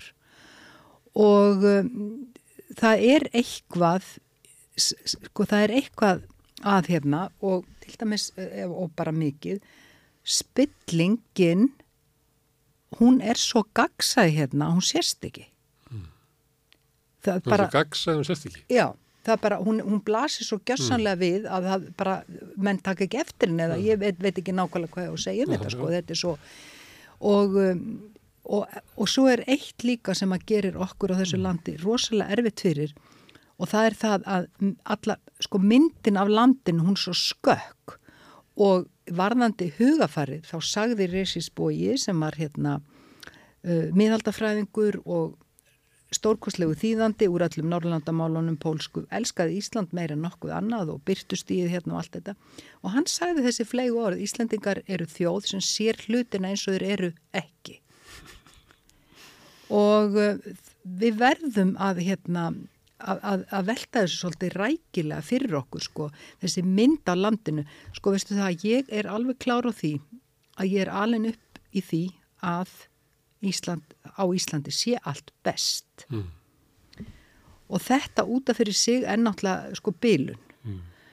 og fórum með bragakaffi í Sólandaferðir til þess að þurfi ekki að drekka spænst kaffi Já, já, en ég meina Ingmar Bergman og fleiri held ég hafi nú líka farið með sænska niðursöðu veru sko, mm. ef, eh, sko og, og, og það var ekki hægt að fara til læknis nema á Íslandi sko Nei. og ég stóð sjálfa með einu alveg ótrúlega fyrðileg og ég var eitthvað án þrítu og er í einhverju reythöfund að gengi þarna og það verið að sína okkur spítali í Ameríku með þyrlupalli og svona og ég manna ég hugsaði með mér, já það eru kannski bara ágæti spítalar hérna sko mm. maður var í rauninni Heila þeim Já, heilaþvegin og heim, heim, heilaþvegin heimalingur mm. og þannig er ég búin að vera í þrjú ár í háskólanám í Döblin. Mm. Ég er orðin það sjóuð og silt sko mm. og búin að vera, vera í fjölmjölum og allt svona sko. Þannig að, og ég held, ég hugsa að pappi hafi oft sagt að það væri hverki betra að vera ná Íslandi og mm. sem er náttúrulega alveg bráðfyndið vegna þess að hann fór aldrei til útlanda og ætlaði aldrei til útlanda en hann taldi sig vita þetta. Og það er náttúrulega fullt af hlutum sem að eru eru forréttindi hérna og kannski sérstaklega voru meira, þú veist, loftið var nú fjandin hafið að loft, ég er að segja loftið var fjandin hafið að reyna sko mm. og mér finnst eitthvað svo ámátlegt að okkur hafi tekist að spilla loftgæðunum hérna í öllu rókinu mm. okkur hafi tekist að búa til umferðar helvíti mm. úr Reykjavík og Moselsveit og allt þetta, mér finnst þetta alveg bara, ég, mér finnst þetta stjartfræðilegt bara hvernig þetta fór fram mm. og hérna þannig að sko spilling er eitthvað sem að við verðum að skoða hérna, þú veist, það er bara alveg á reynu, við þurfum að, að skoða það mál. Það er hérna, við erum fá og þá heldur fólk að sé minni spilling en Líklega er það málið þannig að, að af því að við erum fá að þá þurfum við að hafa meiri spillingavarnir heldur en í starri samfélag. Já, öfugt. Sko. Þetta er nefnilega alveg rétt. Mm. Og svo líka því að ég er að eh, tala um hennar móðsuðu hugsunarhátt og, og bara menn skilji ekki um hvað málið snýst að það er eina af upp, mínum uppáhaldsreplikum, hún er kemur frá þáverandi landbúnaðar á þeirra sem ég vil helst ekki munna hver var, mm. að hérna það var verið að ásaka ráðnættistjóran í landbúnaðarráðnættinu fyrir að hafa setið árum saman sitt hver með við borðið sko. Mm. hagsm, óhúsandi hagsmunatengsl. Og þegar ráðherra var spurður út í þetta saðan þið eru það að saka hann um spillingu. Mm. mann sem tekur strætó í vinnun á hverjum deg og ég hugsaði með mér ok, en ég meina fjöldamorðingi getur tekið strætó í vinnun á hverjum degi, þú veist þetta er svo absúrt og þetta er dæmi um að við sko kunnum ekki að hugsa Hann er kannski verið að ruggla saman sko, skoðunum og...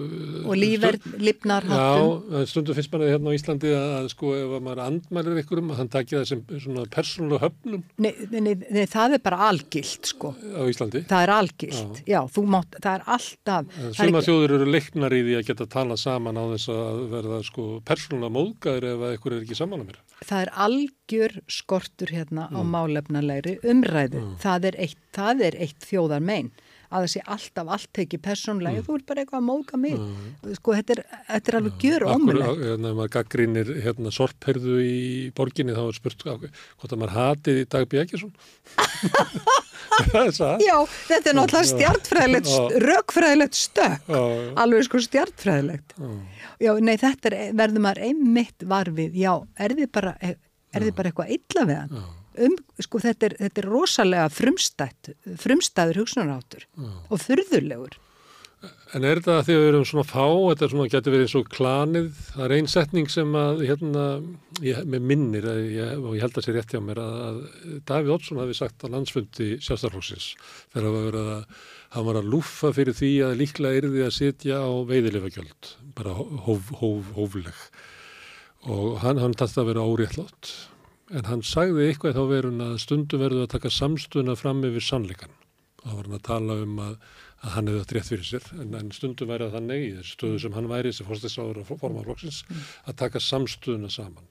Og mér, þetta festist í minn, mínu minni að því að mér finnst stundum eins og Íslandika svo alltaf til í það að, að taka samstöðuna. Það er svona ótt eftir alltaf gaggrínina og það er að ef þú hérna, gaggrínir og leggur til að kannski eftir að fara þángað að þá er það hérna, rof á samstöðunni og það er eitthvað ídæri burtu frá það að segja og við sjöum hérna, já, tökum alltaf samstöðuna fram yfir sko sannleikan sem er þá kannski ekki endur af sannleikur, heldur bara það að geta verið að ræða um hlutina og mm og diskutera hvert um að fara. Að þessi ótti um að rjúfa samstöðuna sem meiri á okkur fámennu þjóðinni en út í heimi. Já, þetta getur vel verið. Ég hef ekki hugsað almeinlega út í þetta en mm. það getur bara mjög vel verið sko. Mm. Því að, hérna, já, þá ertu, og þá ertu líka það sem heitir á þýsku nest, besmutser, þú ert einhver sem skýtur í hreðrið sko. Mm. Þú, þú ert að, að skýta út þitt eigið fólk og, og til dæmis eitt að, hérna, bara, já, ég veit ekki já, það, ég veit ekki hvort að það ávið hérna en ég talaði um það eins og við náttúruvendakonu mm. þegar mjög alvarlegt var uppi að við þyrtum að reyna að láta vita af þessu til útlanda og hérna fá þar samstöðu og hún var algjörlega foks ill og sagði að klaga í útlendinga mm. já, þetta er eitthvað þetta er eitthvað mjög skrítið sko að hérna og kannski kemur þetta til af þessu erfiða lífi hérna og að því að við erum fá og svo framvegi sko en þá hefur, hefur rosalega margt illt verið gert í nafni þessara svokölluðu samstöðu sko mm. já og þú ert sem sagt já, að þú skerði úr þá já. ertu komin út fyrir hópin það er eins og við nefndum áðan eins og með hérna fyrir ekki leysið að við þurfum að ræða það út af því að hérna hittavitulögni fór og hvað hefðu við geta að vita þetta? Og þetta er bara eðlilega umræða, þetta er bara eðlilega uppgjusumræða en fólk vil vegra sig frá því því að það gæti leittið þess að það er sundrúk í hópnum og, og ég saka þig um að hafa ekki unnið sína vinnu. Þannig að við skulum bara dásta hérna, viðbratsflítinum, fólkinu hérna á golfinu sem að redda þessu, mm. kvílikar hetjur. Já. og þar eru við til í að vera í samstöðunni svo bara gleymum við hennu því að við þólum ekki ágrinningin í okkar hópi Já, ég er bara alveg hrætt um það að þetta sé allt og mikið til í þessu sko og já, já, og til dæmis orkumálastjóri sem mm. er náttúrulega algjör kempa Hallarhund og hún, mm. hún sagði frá því í heimildina, hún hefði sendt inn minnisblad 11. november þar sem hún var að vara við þessu og vildi fá tiltekna hluti gerða og síðan svo þegar hún kemur í útvarp og sjómarp og það verður auðvitað mjög klókt af henni þá, hún, þá neytar hún í rauninni að svara nokkur um þetta og segir bara við þurfum að líta til framtíðar og líta til framtíðar. Og ég skil það mjög vel. En hins vegar að þá verðum við að gera til dæmis úttækt á nákvæmlega þessu mm. til þess að við getum sko forðast að þetta gerist í framtíðinni. En sem dæmum andvaraleysi og fyrirhyggjuleysi Pál Einarsson, jarðeilsfræðingur hann skrifaði grein fyrir 30 árum. Við byrtum hennar hérna já, á, á hérna samstöðinu. Já, þannig að þú, já, nákvæmlega já. sko. Og það, þú veist. Um, Sæði þetta bara meira og minna? Já, sæði þetta meira og minna sko og ekki tekið tillit og svo er eitt líka sko stóra alvarlegt sem að við, hérna, kunningi minn og jarðsundageiranum hefur, hefur talað um sko að það var bara farið í, út í það að fylli sprungur í Grindavík bara í vittlesu. Já það var ekki skoðað fyrirfram. Vissi ekki hvað þau voru að fylla. Vissi ekki hvað þau voru að fylla. Þeir held að vera að fylla sprungur. Já. Þeir, það voru bara heilu veraldirnar hann undir. Já, og, og bara segir það áttu auðvitað að rannsaka þetta fyrst. Mm. og þetta er einhver lenska hér að hlaupa til og gera hlutina og rannsaka þá ekki almenna á undan. Það hafa verið, að því að þú nefnir heimildina, heimildina er líka byrt hérna út eftir á snjóflóðunum í Súðavík, þar sem að voru varnar orð, en maður tekið eftir því að sko samfélagi á bara mjög miklum erfileikum með að ræða það, þó langt sér liðið, mm. þó langt sér liðið, Já. að þá er þetta bara, okkur er margt betur, hérna, líka margt betur fyrir okkur heldur það að, að gera svona hlutu upp. Já, já, það er, sko, svo er, er samt eitt að hrunið var gert upp á mjög sérstakann hátt, þessi hrunskísla Já. sem að, ég held að hafi verið algjört afreg sko. En, en, en það verður bett að hún var takmarkuð á því að því hún snýri bara um hrun bankakjörfisins. Það var eitthvað sem sagði að hérna, hvað var það sem að hrundi? Það er náttúrulega hrundi bara hugmyndafræði nýflómsíkunar. Mm. Mm. Þannig ef, að, ef að við hefðum sko, sko, skoðað þetta aðeins í víðari hérna sjónarhóttni að þá hefðu sko hrun bankakerfisins, hrun lífriðsöðakerfisins og fleira sem að síðan var ansakað verið hluti af bara hruni ákveðnar sko stjórnarstefnu og hugmyndafræði sem að hrundi þannig yfir, yfir okkur. Já, já, já, ég, ég get verið sammála því en það voru líka gerðar úttekti samt sko aðeins út fyrir en það virtist svo að við hefðum ekki svo á endan og lært neitt af þessu. Og það er það alvarlega það er sjokkis að koma yfir þjóðina við Íslandsbókarsöluna til þess. Já. Það bara, ég held að það hefur verið viðbröðin, bara læriðu við ekkert. Já. Og sem er uppafið af svona falli þessara ríkistónar sem er óvinni lengi að falla en hún er að falla. Já, það, það eiginlega lítur að vera sko. Þetta er rosalega hægt svona fjall. Já, Já það lítur þannig út sko. Herðu, þú að tala um Ísland besti heimi og við erum náttúrulega alveg upp við það eins og pappiðinn sem aldrei hafði farið til útlanda var samfarður um. Og sömulegt er þetta bara eins og maður lesum í svona allræðisríkjum sem að kúunin er haldið áfram að það sé allt best í okkur. Það er hérna, allt ómúðlegt í útlandum, matur er vondur hulbriðiskerfi órugt, fólk bara lifir ykkur að þjáningu í útlandum í útlandum er ekkert skjól, lífur stormbeljandi. Mm -hmm. og maður er alveg uppi við þetta En síðan hefur okkur svona, eh, við farum Ísland ykkur að hæðast að þessu, túli auðlýsingarnar hérna, Ísland besti heimi. Mm. En eh, mér heyrist þá þér að, að veist, við erum ekki komin út úr þessu. Nei, nei, alls ekki sko.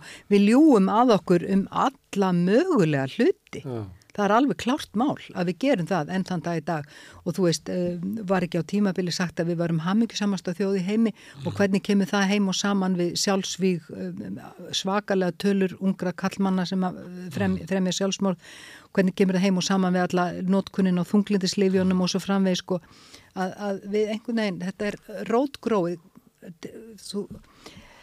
að hérna við þurfum að skoða okkur aðeins hérna í aðeins meiri fjarlægð mm.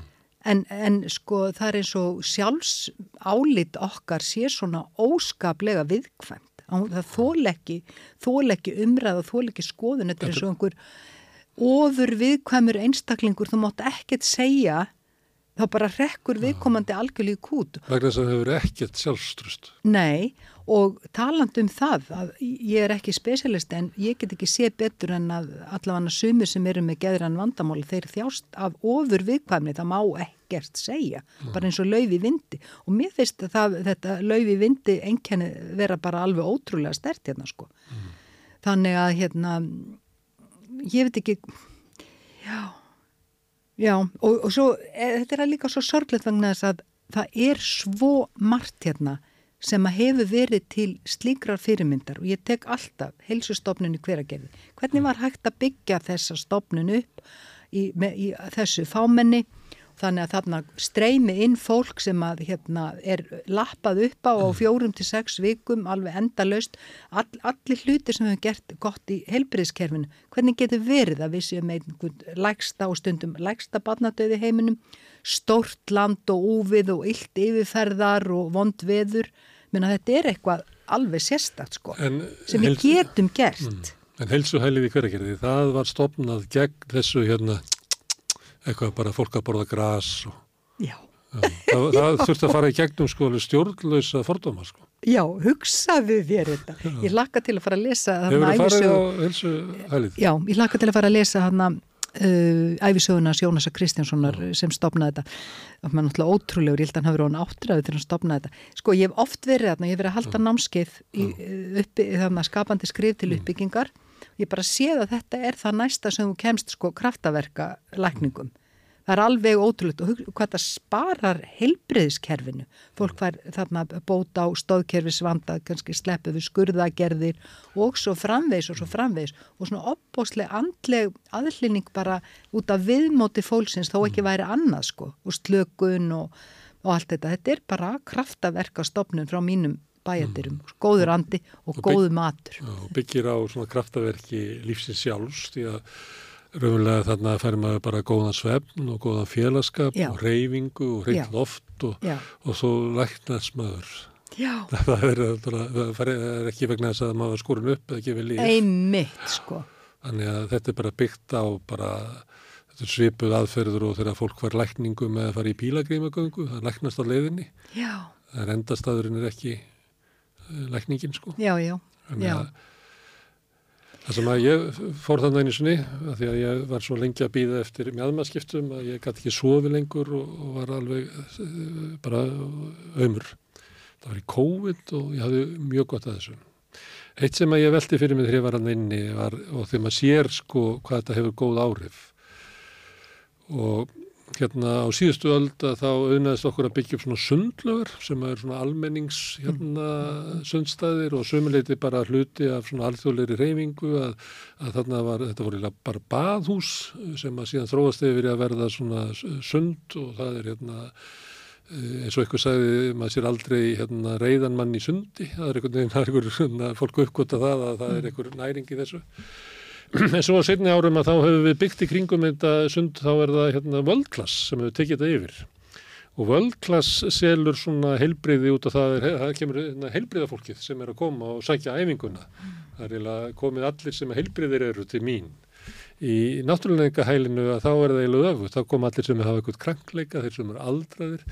Og ég velti fyrir mér að hvað hefur verið fallegt ef við höfum haldið áfram að byggja upp sko samfélagið á einhverju svona náttúrlegri eðlilegi grunn ekki þessari peningavæðu og vera að selja einhverja ímyndir um hilsu og eitthvað flera að í kringum alla sundlegunar hvað væri svona svipu starf sem að væri í hilsu hælinni hveragerði.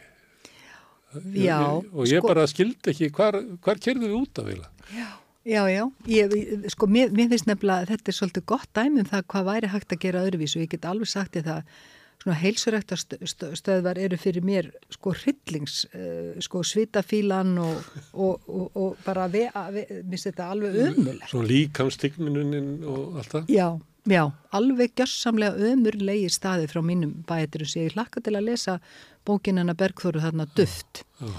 sem að sko þessi líkamsstyrkun og allt þetta, þetta er, minnst þetta svo óheilbrygt og svo uh, það sem að fer fram í hveragerði það er heilbrikt og það er líka mm. gert undir sko kontról frá læknum og, og hjúkurnafólki og svo framvegs en ég er sammálaði sko, auðvitað höfum við byggt upp um, fínan baðkultúr en það er alveg rétt hjá þér. Ef við myndum uh, sko uh, byggja utan á emitt, utan á sundlugarnar og þú veist, það er svo margt til og við höfum byggt utan á það, bara, það er bara Björsi Völdklass sem að séru það Já, það er, er bara ekki nóg. Almanna rými endar eiginlega við heitapottin. Við fórum aldrei lengra en við hefðum alveg getað að farið með lengra og haft sko tækjasalinn og leirböðinn og nuttið og, og allt kannski, sem að til. Og og, og heilsu samlega mat kannski og sko veistu það að það ennabla möguleikarni hérna. Þetta er það sem þú ert að segja, mér finnst þetta alveg há, áhugavert vegna þess að hvað sem því líður að vera besta land í heimi þá höfum við aðra möguleika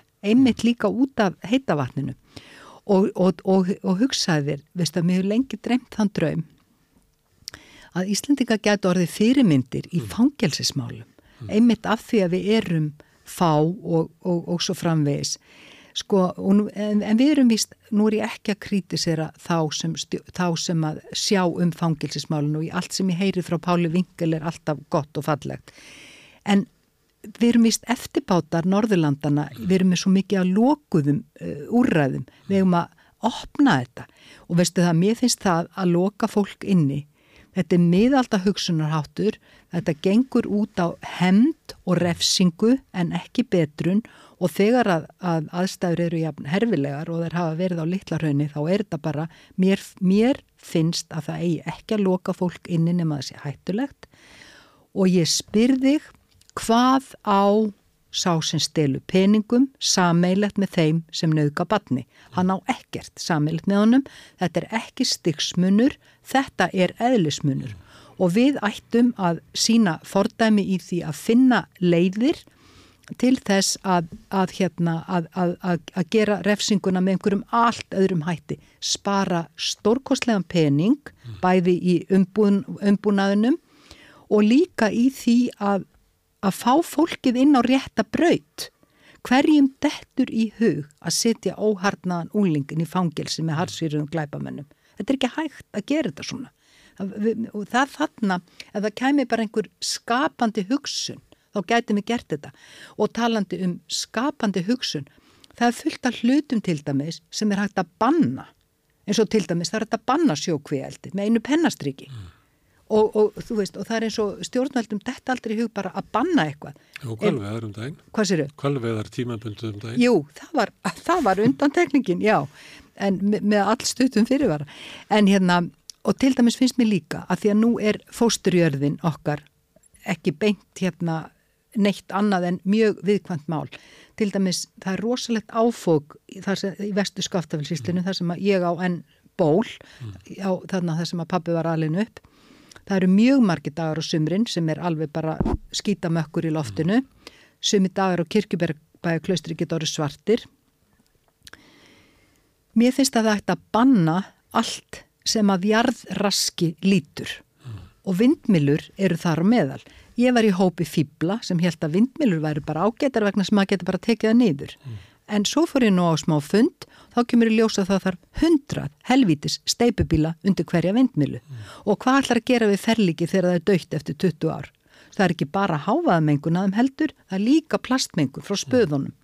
Þannig að sko hvað eina sem lítur að því að tæt upp gróður á Íslandi og þar á meðal glórulaus skórækt á, á grónu landi þar sem að trén ætti ekki heima og getur, getur ekki rutt sver, sverðinum upp á þennan hátt til þess að, hérna, að koma með öll þessi tré og bara hvaða tré sem er hvað sem er, það er ekki engin almeinlega hugsun í þessu, alveg greinilega ekki sko og, og, og breytingin á ásýnd landsins og svo framvegs það er fullt af hlutum sem getur bara sagt nei, hinga á það ekki lengra, við ætlum ekki að gera það. Og hva, hvað ætlar að venda ef ekki fóstujörðina sem er að blása á hafút mm. og, og telst það til lífsgæða að vera með skítamökk í nefinu 300 dag árið eða 200 eða hvaða nú er? Mm. og svo er moldi náttúrulega mestu vermaðinn já Og þú framriðir hann ekki ef þú missar hana? Það er nefnilega það mm. og þarna, þarna virkilega, það virkilega vantar hugsun mm. og svo þarf auðvitað að ná utanum söðfjórbeitina og allt þetta og talandum söðfjórbeit. Hvað eru stjórnveld að hugsa í sambandi við íslenska matvælaframlegslu? Þau hafa kannski hugsað eitthvað en þau hafa allavega ekki hugsað mjög langt. Ég veit ekki annað en að hérna, græmitisbændur sé ennaborga herra raforkuverð heldur en alverið á reyðafyrir til dæmis og og eiga allir bændur núna þegar söðfjárræktin er orðin, orðin svona þung fyrir fæti fjárrækslega, mm. eiga allir að fara að búum rúm þegar ferðamanna innarum getur hrunið á einum degi. Af hverju er ekki byggt undir ræktunina? Havramjöl, bygg. Mm og svo framvegis, allt mögulegt. Þegar þú ert að byggja um fyriríkju og þú ert búin að segja að við höfum hann ekki. Já, en, en skilur þetta er, þetta er algjörlega galið því að þeir eru utan kólefnissporið sem hlýsta því að vera að flytja dót inn sem við þurfum ekki að láta flytja inn, þá er þá ekkert virkilega til hérna sem heitir fæðuöryggi. Hafa stjórnmjöldaldi látið sér dætt í huga landi geti lokast af. Mm. Sko, þetta er, ég á í rauninni ekki almennlegt orð yfir þetta að skul ekki vera huga betur að fæðu örygginu og að því að við séum sjálfum okkur ná og próduktin sem við komum með þau eru víst alveg fram úr skarandi. Ég þekki konu sem er alin upp á havramölu, segir hún hún segir havramölu frá Sandhól í meðalandi það besta sem ég smakkað. Mér skilst að Íslandst grammiti sé bara eiginlega ekkert spröyta með skortirætri og það er mjög mikið að gæðum en fábretnin er ómikil og það er allt og lítið að magni í Fraklandi er skortira eittur stórkoslega pláa, mm. það er í drikjavatnin og það er út um allt. Þannig að við hérna sko, sko möguleikarnir sem, sem við höfum, þeir eru svo ónýttir og vannýttir og til dæmis bara er ætlum við að halda landinu í byggð og ætlum við að leifa Jim Ratcliffe að halda áfram að kaupa upp, ég var að frétta það ekki að hann er búin að fikra sér bara í rútafjörðin hann er ekki bara sko norðausturhóttni mm. heldur hann komið þanga er þetta bara allt í kei? Hann er kallar Íslasvinur Já, akkurat sko, mm. er það ekki bara öfumæli? Hérna og svo, og, og svo eitt sem ég frétti líka gær, stórkoslegt að hérna það var sagt, gammal lagsveiðmaður sem að stimpast, gammal hérna bondi eitthvað starf, mann ekki hvar vopna fyrir mögulega, sem að stimpast við og vill ekki selja sinn hlut mm. af ánni og sagði við þennan vinnminn sem kemur og hérna veiðir hjá honum að hann vil ekki selja af því að þá hætti þú að koma, segir hann við vinnminn, íslenskan og hann segir bara hvað mennur, hvað mennur, hann segir þú ert sentilmaður og keirir hérna um Uh, hérna, þegar þeim hlaðið að þá keirir þú bara um á, á 30 og 40 mm. en þeir eru búin að drepa 8 hundar fyrir mér. Og þá eru það útlendingar mm. sem að strauja í gegn á 100 km hraða og drepa hundarnas hvernig af öðrum. Og mér finnst þetta sko táknmynd um ég bara ekki, ég get ekki með skortir mm. orð táknmynd um hvað þetta er. Þetta er svona ómenningu, svona hrunmenningar. Já, það er, ja, mætti alveg segja það Já. Það er hérna að þú tala um uh, háramjölið að það er þannig að hérna, græmiti verður oft best svona á mörgunum að það geti vaksið. Besta teð er sko höðst í hlýðinni þar sem að er eiginlega ekki teð mm. fyrir ofaða. Mm. Ólífunar eru svolítið, þar sem mm. að er sendnast í jarðvegurinn og erfiðastur uh, að það er bestu ólífunar og sömuleiti er margt eh, tækifar í Íslandi til þess að rækta svona bara eitthvað eh, sérdeilis góðan mat út af þessu. Að hérna kornið sem að er næstu því hérna ekki hægt að rækta það að það verður best. Þetta er, þetta er svona eitthvað grín í guði, hann hefur þetta svona. Heyrðu, en Magna, þú ert bara að segja mér smá frettir en talandi um sko ég lætt færa mér ef að fólk spyr hvað ég kom með þegar ég kem til útlanda og segi byggið frá Vallanessi Já Og þú hugsaði munin á því að geta borða bygg, byggið hérna lífræna frá vallanessi eða að borða einhver ótiltekinn hrískrjón sem eru kannski framleitt við mótræðar aðstæður mm. einhver staðar langt austur í heimi og hugsaði kólefnisboru, hugsaði þetta allt saman. Mm. Hvað við gætum gert, sko, hvaða eru mörg svið sem eru ónótu hjá okkur sem mm. við gætum og með smá skapandi hugsun og vilja, hvað við gætum virkilega gert og verið mm. fyrirmyndir. Mm en erum ekki að gera og erum ekki í valla ræða. Herðu, segð mér eitt, Steinur, hefur alltaf verið svona pólitísk? Ég er ekkert vissum þessi pólitísk. Þú ert búin að tala hér í pólitík allan tíman. Já. Þú veist í leið og ég bauðir það að fara úr engalífinuðinu og tala mm. um samfélagi þá bara Já, en það er náttúrulega líka sko sumuleiti svolítið leiðilegt að, að, að, að fimpulfamba ómikið um sjálfansi sko. Ég, ég tala gefnan um bækurna mínar en, og verki mín en finnst ekkert svo gaman að tala um mig. Ég er ekki interessant. Mm. Ég vona verkið mér séu það, en ég er það ekki. En, en sko, þetta er pólitík sem þú tala um, ég já, þetta er ekki flokkspólitík. Nei, nei, en sko... Þú ert ekki að tala fyrir hönd eitthvað, þú ert bara að tala um hvernig samfélagið okkar er, hver eru ágallandir í samfélaginu, hvað við þurfum að vera hérna, fókusir að frekar á, þú ert ósætti við stefnu stjórnvalda. Ég, ef þetta er ekki pólitík, þá veit ég ekki hvað pólitík er. Já, já, sko, já, ég get þá bara sagt til brandara, ég á vinn sem er geðlagnir og hann hefur þekkt mig lengst af og hann sagði við mig fyrir nokkrum árum uh, stutta útgáðan af þér er barátumannskja mm. og mér finnst þetta óla fyndi því að ég sé mér náttúrulega ekkert þannig sko. Mm. en ég reyndar uh, sko hef reynd að fjalla um náttúruvend af mínum hérna veikamætti. En sko mér, mér finnst ég ekki vera skoðana maskina, mér finnst ég vera einhver sem reynir að skoða hlutina og já. En uh, allir sem lífsanda draga og er að skrifa bækur ég, meni, ég væri ekki að skrifa skáldsögur ef ég væri ekki opinn fyrir heiminum mm. ef ég tæk ekkert inn af þessu mm. og svo náttúrulega sé ég kannski einhverja luti skýrar af því að ég er meira minna í útlöndum mm. en sem betur fyrir get ég verið hér á Íslandi marga mánuð ári líka og svo líka já vegna þess að, að einhver leiti er ég eða var svona ég kynntist ég landinu náttúrulega svolítið vel innanfrá þess að þegar ég var á fréttastofunni í þess, þessi ár og hef átt náttúrulega vinn úr alls konar hópum og kynst sveitinni. Mm. Þannig að ég sé kannski svona soldið yfir sko. Mm. Að þeir verður svo fá að maður tekur stundum eftir því að, að uh, þá er eins og það er íslenskt megin um að hérna, finnast að maður eigi að laga Ísland og það batnar ekki þegar fólk fer frá Íslandi og horfir á það og fjerska. Það verður eiginlega versnar. Það getur hitt Íslandika sem búa Erlendis og þeir eru eiginlega bara að byrja að tala um Ísland og hvernig mæti laga það bara rétt eftir að maður búin að helsa því sko. Mm.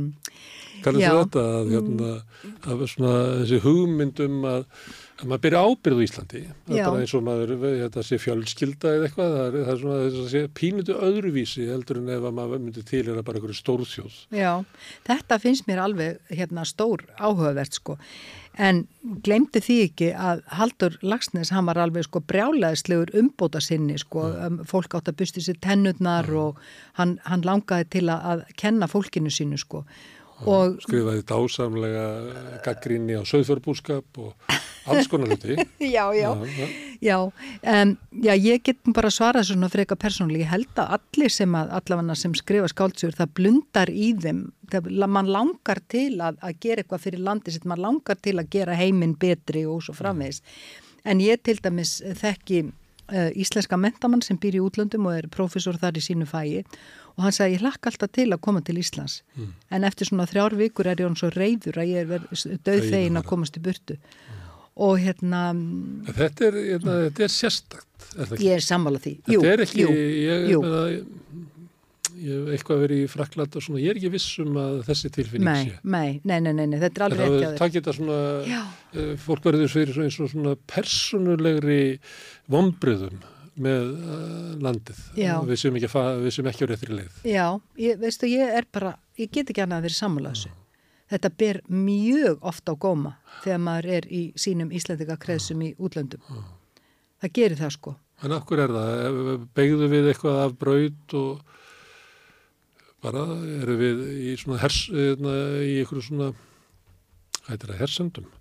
Að stundu fyrst mann það stjórnvöld stýra landinu bara eins og valdarenningar ekki í takt við vilja almennings, ég get alveg þauðluð upp sko að hérna, stjórnastefnan er þvert á afstuð almennings í kótamálinu, stjórnarskrámálinu, uppbyggingu helbriðiskerfisins, við getum bara haldið áfram Palestínu og, mm. og það er eins og sko við erum komið með stjórnvöld sem eru bara að fara þvert á vilja mikil smeirluta almennings. Já, já, þetta er bara... Eða var alltaf svona? Sko það sem ég ætlaði að segja var mm. mér finnst að við höfum mist af tækifæri til þess að byggja upp þjóðfélag þar sem var tiltöla meiri jöfnudur mm. heldur en annar staðar og fátækt er stórkoslegt peningaspösmál því að fátækt fæðir af sér vandamál mm. og síðan er hún ógeðsleg að því leiti líka að eins og einn hérna mektu félagsmála eða kona sem er félagsrákja og þekkir þetta inn og út hún segir, hvort sem hún fann það upp eða ekki fátækt barn, fátækur gammal maður mm. að það, þú kemst ekki útrussu þetta er ekki bara ómannulegt en fátæktin hún kostar þjóðfélagi líka mm. rosalega mikla peninga því að fólki verður örirkjar, það verður þunglind og svo framvegs og svo framvegs Við vorum allavega á tímabili Ísland alveg óheirilega ríkt land og í staðin fyrir að það tækist einhvern veginn að jafna auðnum sæmila út þá fer hann á fleiri og fleiri hendur og meiri og meiri. Og, og, Færru og færri. Já, það er, er sagt, já, ég meina, já, já, já við það sko. Og meðan að, að fátæktin, hún breyfir úr sér mm. og, og hún er fátækt er viðbjóslegt fyrirbæri og hérna um, ég skrifa hann um þetta í skáldsögur sem heiti Sistumegin mm. og þeir sem að líta neyra á fátækt fólk þeir skildu sko að hugsa sig um þrísvar því að fátækt fólk er eins og sista í bókinni það er yfirleitt alveg áðbóðslega úrræða gott og það var einmitt það sem þessi félagsmála vinkona mín saði mér og hún þekkti fullt á svona systum sko. Fátæku fólki finnst yfirleitt sko mjög kaldan í því þegar það á að fara að kenna því fjármálalæsi.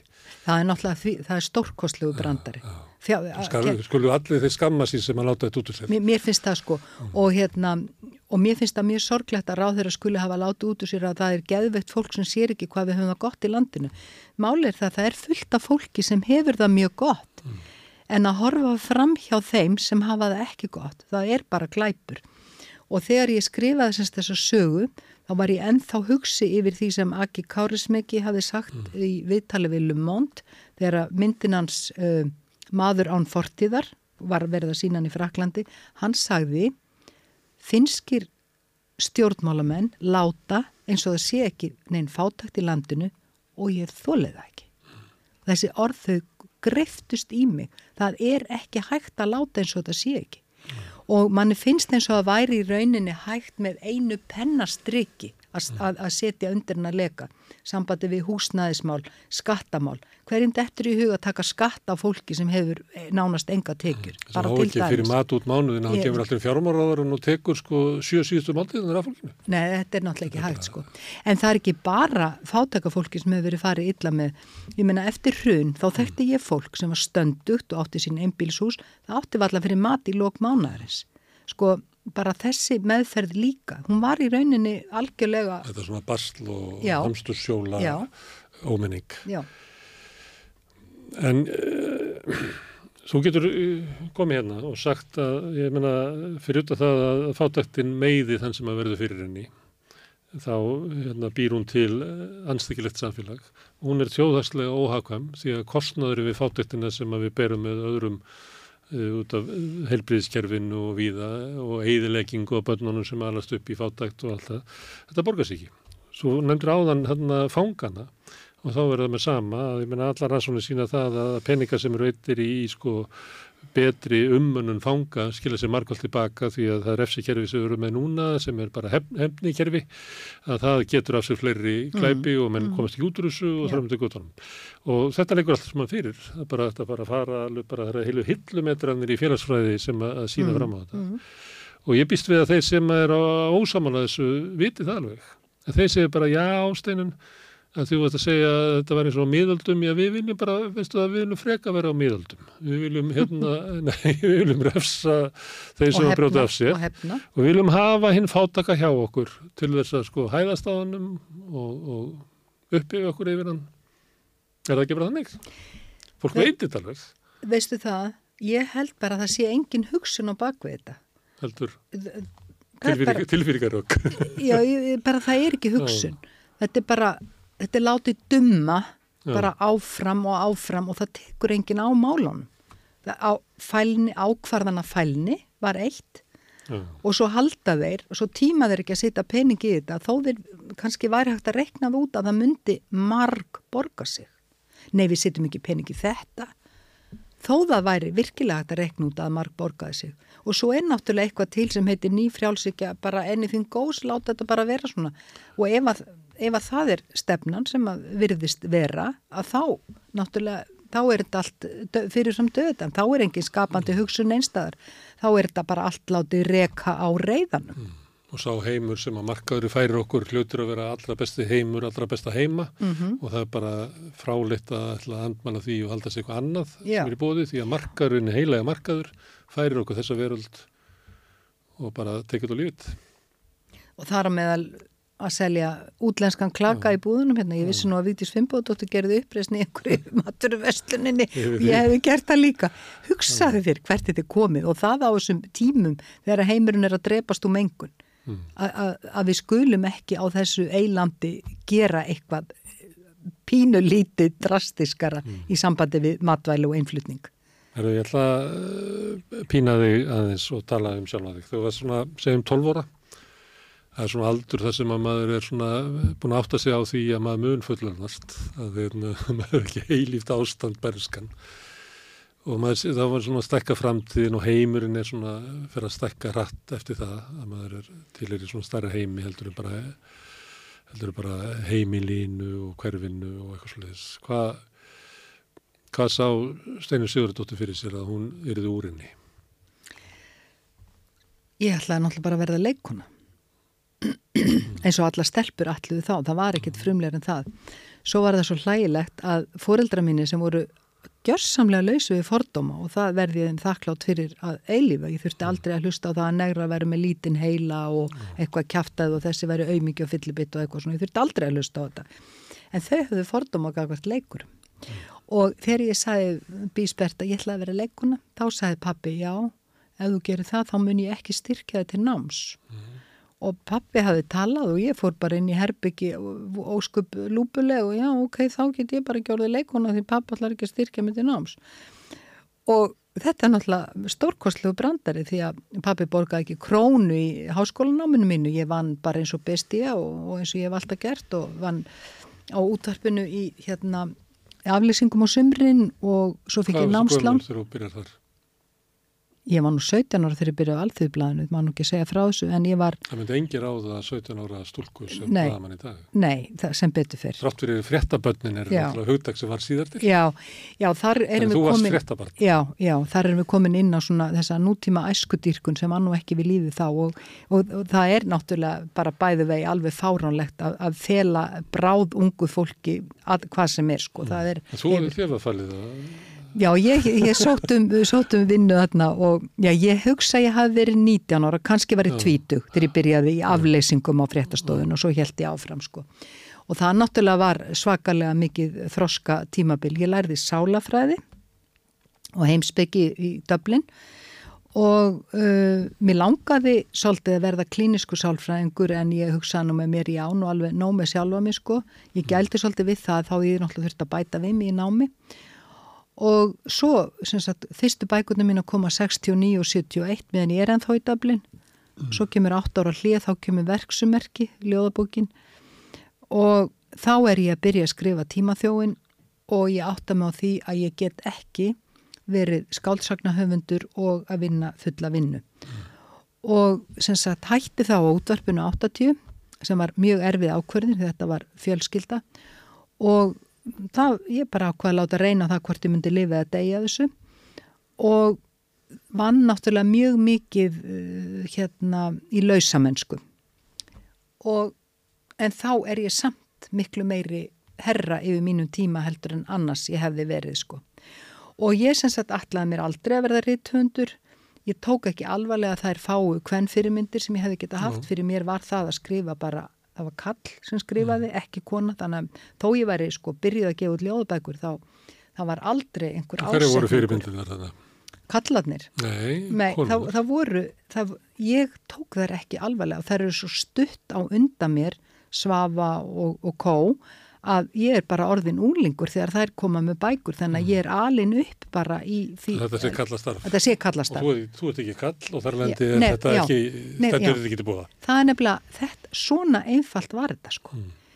og svo samt einhvern veginn réttlast þetta nú að mér og, og hérna og, og ég held áfram bara og hef ekki stoppað. Síðan? Nei. Og ekki síða eftir því? Uh, Jú, hvað á ég, ég segja? Ég skal segja þér að ég myndi ekki vilja leika þetta eftir mér. Þú mælir hef... ekki með þessu? En nokkur mann?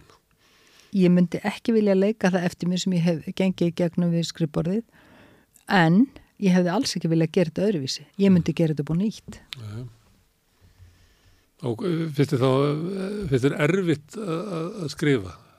Svona þessi glíma höfundarins, er hún, hún er sársökafull? Hún er ómanniskuleg hún er svo erfið. Fyrir þig eða almennt það þú út kvíðin og þú út sjálfskakrinnin ég og... get ekki tala fyrir aðra en hérna, svona er þetta með mig. En maður ánáttúrulega sínar góður stundir. Mm. og það er einhver sælutilfinning sem að ég held að ekkert výmuefni geti sett í mann. Mm. og þess vegna væntalega heldur maður áfram og svo líka þá, og, og það er náttúrulega mér er náttúrulega miklu ég veit ekki hvernig á að segja, mér er miklu ljósara að yrkja heldur en að skrifa, skrifa hérna prósa og ég er í góðum félagskap, Sifu Staðarsson sagði það miklu erfiðar að skrifa prósa heldur en ljóð og ég er í mm. þeim hópi sem að finnst það miklu erfiðara þannig að þar kemur til orða fjöldin og svo framvegis og, og náttúrulega tækni málinn sko við að setja saman þræðina og mm. skamta þræðin hvaða upplýsingar koma hvenar og svo framvegi sko um, en um, ég er fyrst og fremst samt óendalega þakkláttur að mér hafi haldist þetta uppi og enn þann dag í dag og að mér finnist að ég sé enn að bæta við mig og gera eitthvað nýtt sem að fólki verist finnast líka. Þannig að eh, fyrst og fremst er ég samt þakklátt en þetta er afskaplega undarleg tilvera og ég er auðvitað hverki tilnema á papir ég hérna fer að skrifborðinu mín á mótnana og ég fer alla mótna mm. nema þegar ég er bara ferðast eða með influensu eða eitthvað og þetta er bara, þetta er mitt líf. Svo hætti ég klukkan 1 og 2 á daginn og, og gleymiði að ég er 200 og fer út í daginn. Og svo gengur allt út á það að vera í formi daginn eftir. Þannig ég fer vola lítið út á kvöldin. Ég bara koni upp í bæli svona 10-11 vakna 8 og 9 já, já, já, já. og engin sunnundagur Nei, alls ekki sunnudagur. En ég ætti nú kannski að fara að taka mig Guðberg til fyrirmynda því að hann saði við mig þessi ótrúlega vinnusami maður. Mm hann saði við mig þegar hann var kannski orðin svona 70 þá saði hann 75 ára kannski var hann þá saði hann ég fann að virða helgarnar. Mm. og maður ætti nú kannski að taka sér, taka sér frí einn dag í viku kerfisbundi, við höfum stundum talað um þetta við Þorstein, ég bý náttúrulega með tónskáldi og hann vinnur líka mótnana, Þorstein Högson mm. og hérna við stundum talað um, að ég heyrðu, eigum ekki bara eiga frí og sunnudöfum, en við bara gerum það ekki, við fyrir byrjum bara alltaf að vinna Þetta með að hafa ekki neinar eh, fyrirmyndir um, um hvern hérna rittvönd eða hvern skáld sem að lifir af vinnu sinni. Uh, þú nærið að gefa út nokkra bækur áður og tekur ákvörðunum að verða hérna rittvöndur og skáld að æfistari eða fullri vinnu. Hvernig, hvað varst þú að gera þegar þú varst að gefa út hinnabækunar? Hvað sarstu þetta fyrir þetta væri? Já, bækunar þar á undan, já. já. já. Bara... Já, sko, ég er náttúrulega, ákvörðunin kemur í rauninni þegar ég hætti á útvarpinu 80, þá er ákvörðunin komin. Já, er og þá, þá er ekki að komna nema þrjárbækur, já. Já, já mér fannst, um, sko, mér fannst, sko var það líka það að ég, ég var spjörrætt, það var svo skrítið að vera skrifandi hvern maður á Íslandi og þetta var svo sjálfgeft, við bara skoða félagatal reytvöndarsambansins að ég ringdi vini mín og kynnti mig og ég sagði, ég, þetta er Steinu Sigurdóttir skáldkona Mm. Skáldkona er náttúrulega alveg ægilegt orð, það er gengisfellandi sko. Og annarkvort ertu skáld mm. eða ekki skáld og, og galla skáld. Já, og ég meina, ertu er, er, er, er hvern tónskáld er hún tónskáldkona eða hvað sko skilur þetta bara og uh, já, ég bara get ekki líst þessu, ég bara gaf þessa bækur út og, og, og það er náttúrulega fullt af fólki sem hefur gefið út bækur með fram öðrum störfum. Ákverðunum kemur sem sagt 1980 Hmm. Og þá byrja ég að skrifa sko smásugur eða ég átti eitthvað af þeim í sarpi, kem út með tvær smásagnabækur, svo komið 1986 þegar tímaþjóðurinn kemur, mm. það er 17 árum eftir að fyrsta bókið minn kemur og þá slæði ég í gegn, svo þetta er ekki hægt að segja að minn karriðir hafi gengið í loftkvöst. Nei, nei, en það uh, varst ekki í listaskóldunum? Og... Jú, jú, þá var ég svo eina af þeim sem hafi komið. Ég man alveg eftir þegar ég er svona bara táningur eða álingum mann alveg eftir. Já. og ég menna það bara á þér ég menna þú var svona með ég veit ekki svona opna framkomu, þú talar alltaf um þessu kvíðasjúklingur og sér því inn í kvalir, það er nú bara það virkar að hérna, öllum, öllum, öllum lík, líður vel í návistinni og þú ert hérna svona skorungur á velli. Með minni það Já, er svo já. sem ekki tómbar Nei, nei, en ég var sko hérna, ég var nú uh, þarna já í listaskáldunum, þá var ég svo einaðið sem hafði, var komið með bók og mér sér mm. tvær, 76 mm. fyrir utan náttúrulega Guðberg og Megas náttúrulega var búin að flytja sína og þetta var já, ég var eina stelpan og sem að sínir náttúrulega bara tíðarandan, en ég get ekki munað að annað en að ég hafi, þetta hafi verið svona jafningja, jafningja dæmi, ég get mm. ekki munað annað en veistu það maður man bara anskotan ekki neitt. Það kom upp úr kassanum hjá mér um daginn eitthvað viðtal frá 95 þar sem ég var svo bálreið út af einhverju, einhverjum, hérna, ég veit ekki eiginlega lengur út af hverju, hvað einhverju kallar höfðu skrifað um mig eða ég bara mm. veit ekki hvað og ég horfið bara á þetta tómum augum, ég vissi bara ekkert hvað þetta gæti hafa verið. Mm. Þannig að það er nú ekki langrekninni fyrir að fara sko. Mm. En það var bara mjög á skjön að vera kvennmaður í þessu ég var, en ég var samt svolítið heppin þá ég væri svona spjörrætt sko líka út af kettlingabókunum.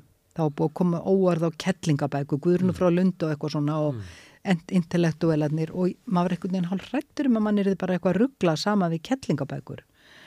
Og, að, og það hefur alltaf verið, ég meina hvað stendur í grasaferði eftir Jónas Hallgrímsson, það hefur nú aldrei þótt príði á hvem fólkin að vera yrkja segir hann við sýstu sína, þú veist það er eitthvað þarna, mm. af hverju voru skrifandi konur svona ósynilegar á Íslandi eða voru ekki að skrifa eða ef það voru að skrifa okkur eða voru svona ósynilegar, áttu bara rosalega erfitt uppdráttar. Og ég átti það líka, þú veist, þegar það kom upp úr kassanum hvað kall helvitin voru að skrifa um mig um fyrstu bækundum mína sem ég held að hefði bara verið gott, mm. það var bara ekkert gott. Þeir voru, enginn þeirra sagði endilega halda áfram og mm. efnileg og sagði ekki neitt um það. Það er svona þetta diss sem við vorum að tala um áðan, svona þetta svona létt eineltist diss að reyna að íta þeir svona á eitthvað þinnbás um, Eitthvað í þá áttina Já. Hvað er þú að tróða hérna inn í okkar partí? Mm, sko það liggur ég veit ekki, það er bara van trú á því að ég gæti þetta mm. og þetta er svolítið skrítið því að sko viðtökunar á forlæginu voru stórkostlegar og Tómas Guðmundsson hann var mjög án, eða sem sagt já, hann lasið yfir og var, var ánaður og, þann, og þannig að það mátti, ein, mig mátti einu gilda hvað minni spáminn sögðu úr mm. því að hann hafi talað svo sem sko. En hérna þetta var bara vantrú á því að ég gæti eitthvað held ég. Og hefði geta gert eitthvað. Suma og sem ljóðum standast eitthvað skona tímast tönn. En hérna já Ég sá Saknaður Ilm hérna leikjarð unnar aspar á bókum Ölsebetur Jökuls í vikunni Sömleiti fjallar það um hérna hvernig kvennskáld verður til og fyrir hlutin hérna á ferlinum er það sem að hún er bara kemst ekki fyrir í þessum heimi kallana sem allir eru snillingar og konun er bara ekki bóðið upp á það að vera á þeim stalli. Allt sem hún segir er vittlust og rámt. Og... Sko það sem ég ætlaði að segja áðan með það að hérna, um, já, einmitt, ég var að hugsa Sko, þrátt fyrir þetta sem ég er að segja þarna fyrstu tvær bækurnar, mm. já þess að það var skrítið, sko, það eru bókmyndagúru að núna er að segja, þú ert undantekning, þú fannst strax þína rött, mm. er sagt um mig, 69, sko, og það var engin, hérna, af þessum bókmyndaskrýpendur sem, sem taldi það að ég hefði einhverja rött, sko, og... Um, En ég get ekki alveg tekið undir þessa upplifun Elisabetar. Mín mm. upplifun er ekki svo sama því að sko verksummerki fær held ég einhverja forkunagóðar viðtökur og smásagnasöfni mín fengu bara mjög líflegar og góðar viðtökur. Og síðan 86 þá beinlinis slær tímaþjóðurinn í gegn. Mm. Og hún fekk alveg sko fann rosalega góða og flotta dóma sem að ég bara geimi eins og gull í ösku mm. og þetta var bara mjög sérstatt og það sem var svo skríti við það líka að mér hafði leifst það að skrifa bók sem er alveg eins og ég veit ekki hvað í læginu þetta er sem sagt sambland af ljóðum og prósa mm. Og fylgir engum hefbundnum reglum mm. og er, má alveg segja þess vegna sé ljóðabók í dulagerfið eitthvað svo leiðis mm. og það að hún skildi hérna fá svona mikinn hljómgrunn það finnst þetta var algjör brandari það var enginn sem las handritið sem spáði þessu ég ekki svo ég geti munað annars voru ég að segja það líka með manikin eitt og þegar að bókin byrjaði að seljast og rjúk út eins og heita lumur þá var því svolítið fúl, ég hugsaði með mér, já, hvað er allt þetta fólk að gera við að lesa bókina mína? Mm. Þetta var mjög, mjög skrítið og svo náttúrulega tók ég nú gleði mína þegar kom eitthvað í kassan. Þú vildi gera eitthvað sem að væri sérstakara, ekki svona almennt? Ég, ég, ég veit ekki, bara því þá er ég náttúrulega búin að lifa í, með þessari bók í sjö ár. Hún hafði sko, handritið hafði límst við Iljarnar á mig þegar ég var að koma úr styrtu og það var komið bara inn í Svefnebergi og það var bara út um allt í mínu lífi þannig að, að það var eitthvað, eitthvað svoleið sko að ég var að koma já, ég var að koma út ekkur, ekkur, út úr einhverju já. Þið skáld konunar þið komið inn í svona heim sem er bara kallaheimur alg, á þessum tíma, já. bara algjörlega hugsaður allar það sem heldast úr lestinni líka já, já. já, ég sem held að það sé bara mísjátt líka bara getur verið alls konar hérna, hluti sem spila inn í það sko hvernig ykkur vegnar síðan inn í þessum heimi þanga til að hann fer að breytast. Sumar gefast upp og aðrar eru hérna svona konur að finna kynslu og eldri. Eru svona mis hvað var að segja, misleiknar í því að lifa af í þessum helvítis kallaheimi það er bara þannig þú veist, suma ná einhvern veginn að synda svona framjá og sleppa við hérna, mestu átökin aðra að lenda í átökum og brenna upp og þetta, ég býst að það sé bara líka persónabundi sko, hvernig fólki farnast. Já, ég meina ég náttúrulega held áfram að skrifa bækur sem að fengu fantalega góðar viðtökur, hjartastæður fær þarna bókmyndavelunin og, og ég, sko minn eða minn saga er bara svo að ég held bara áfram og. Þú tókst að það er þátt í að breyta heiminum. Ég er eiginlega að hugsa hérna um tímabili sko 7-8 ára tíma. Sko ég er algjörlega sammála því að ég gerði það og mér, mér þykir væntum að einhver annar en ég segi það því að þú veist það er... Þess að segja bara hverju sem er. Já, já, en auðvitað, en ég gerði það, já. auðvitað gerði ég það, ég menna auðvitað er ég einhvers konar bröðriðandi og líka að þýleiti sem að var ekkit mér að þakka að bækuna mína fór að koma út í útlandum mm. þegar að engar aðrar íslenska bækur eða nánast engar voru að koma út það hefði engin í útlöndum áhuga íslensku litteratúr þá mm. og þeir hefði ekki eins og áhuga um heimurinn á norrænum bókmyndum mm. þannig að þetta var bara mjög sérstatt mm. og var mér hérna mikil liftustöngi var að koma út á frábærum forleggjurum og svo framvegis en eitt af því sem að hjálpaði mér var eða býst ég við var það að ég var ennþá eitthvað virk í fjölmjöla heiminum mm. og ég hérna svona ég var að þýleiti að svona á köplum sínileg. Ég var að gera eitt og annað fyrir sjónvarpi þar meðal viðtalstættina við Haldur Lagsnes ég gerði mm. uh, viðtalstátt við Guðberg Bergson sem ég er að vona hafi skipt miklu máli 86 Söfu þá? Fyrir ímynd Guðbergs sko ég tek viðtalið við hann 86 og ég mann það að því að það var skömmáður en ég kláraði tímaþjóin og Guðbergu var 86, hann var hataður mörgum og lítið, bara lítið á hann sem einhvern klám kall út í bæ Svo kemur þetta viðtal við hann þar sem að hann er náttúrulega, hann bara glansar. Sko. Hann skrúar frá sérmannum, ég man alveg eftir þessu. Hann glansar. Já, það er stundu sagt til fólk svo, hann bara skrúaði frá sérmannum, hann var svo sérmannandi í þessu. Já. Það eruðu bara, eh, bara allir skotnir í hann, það var Já. svo skemmtilegur. Já, og það hefðu allir haft ástæðu til að vera skotnir í hann. Mm. En hann hérna, og svo var hann náttúrulega, sko, hann svo flottur, Já. hann var fallegu maður og, og með flottan talanda og, og mér var sagt það bara kategórist að þetta viðtal hefði átt þátt í því að breyta hans ímynd mm. og ef það er eitthvað sem er manni gleði efni þá er það ef maður getur átt eitthvað pínulítinn þátt í því að lifta höfundi sem að maður dáist að eða höfundi sem að manni finnst að eigi betra skilið hvort sem mann er lífsæði liðin. Það er sérstatt gleðiefni og ég hef áðbóstlega gaman að því að skrifa um bókmentir og ég hef skrifað alveg þó nokkuð bæða á íslensku og ennsku, flutt fyrirlestra eins og við háskóla minni í Strasbourg þar sem ég var að kenna reitlist og hérna, mér finnst eiginlega meira gaman að skrifa og tala um bækur annara heldur en sjálfra mín en ég geri það nú samt að því að ég vil mm. gætna hjálpa bókunum mínum. Já, þú tóst við þar við Lagsnes, Svöfu, Guðberg. Já. Já, já, og, og svo gerði ég heimildaþátt um, um Björku og við, við Eitla Evarsson gerum það og svo gerði ég heimildaþátt um hérna Vigdísi Fimboðdóttur heim, mm. Sjónvarpsþátt uh, heilan klukkutíma fyrir sagafilm. Mm. Þannig að ég er mjög stolti við því að mér finnst ég hafa átt þátt í því að, að, að, að gera, að búa til heimildir um sko mjög er það kannski þá merkilegustu Íslendika sem ég hef kynst og meðan þeir voru á sínum hátindi Vítis var í embættinu, Guðbergur er þarna 86 og Björk er að stíða sín fyrstu skref inn í heimsfræðina Svafa var alveg á toppnum þegar ég tók viðtali við hana mm. sem ég vona nú að þeir fari einhver tíman að endur sína því að hún var náttúrulega svo stór merkileg og stór glæsileg manniska og hugsuður og skáld og, og rittvöndur og hvað eina sko mm. þannig að hérna en Og lagsnes á síðustu metrónum? Já, en hann var það ekki, ekki? sko. Hann var áttræður og mm. þannig er hann orðin svona eins og afi þjóðarinnar sko. Mm.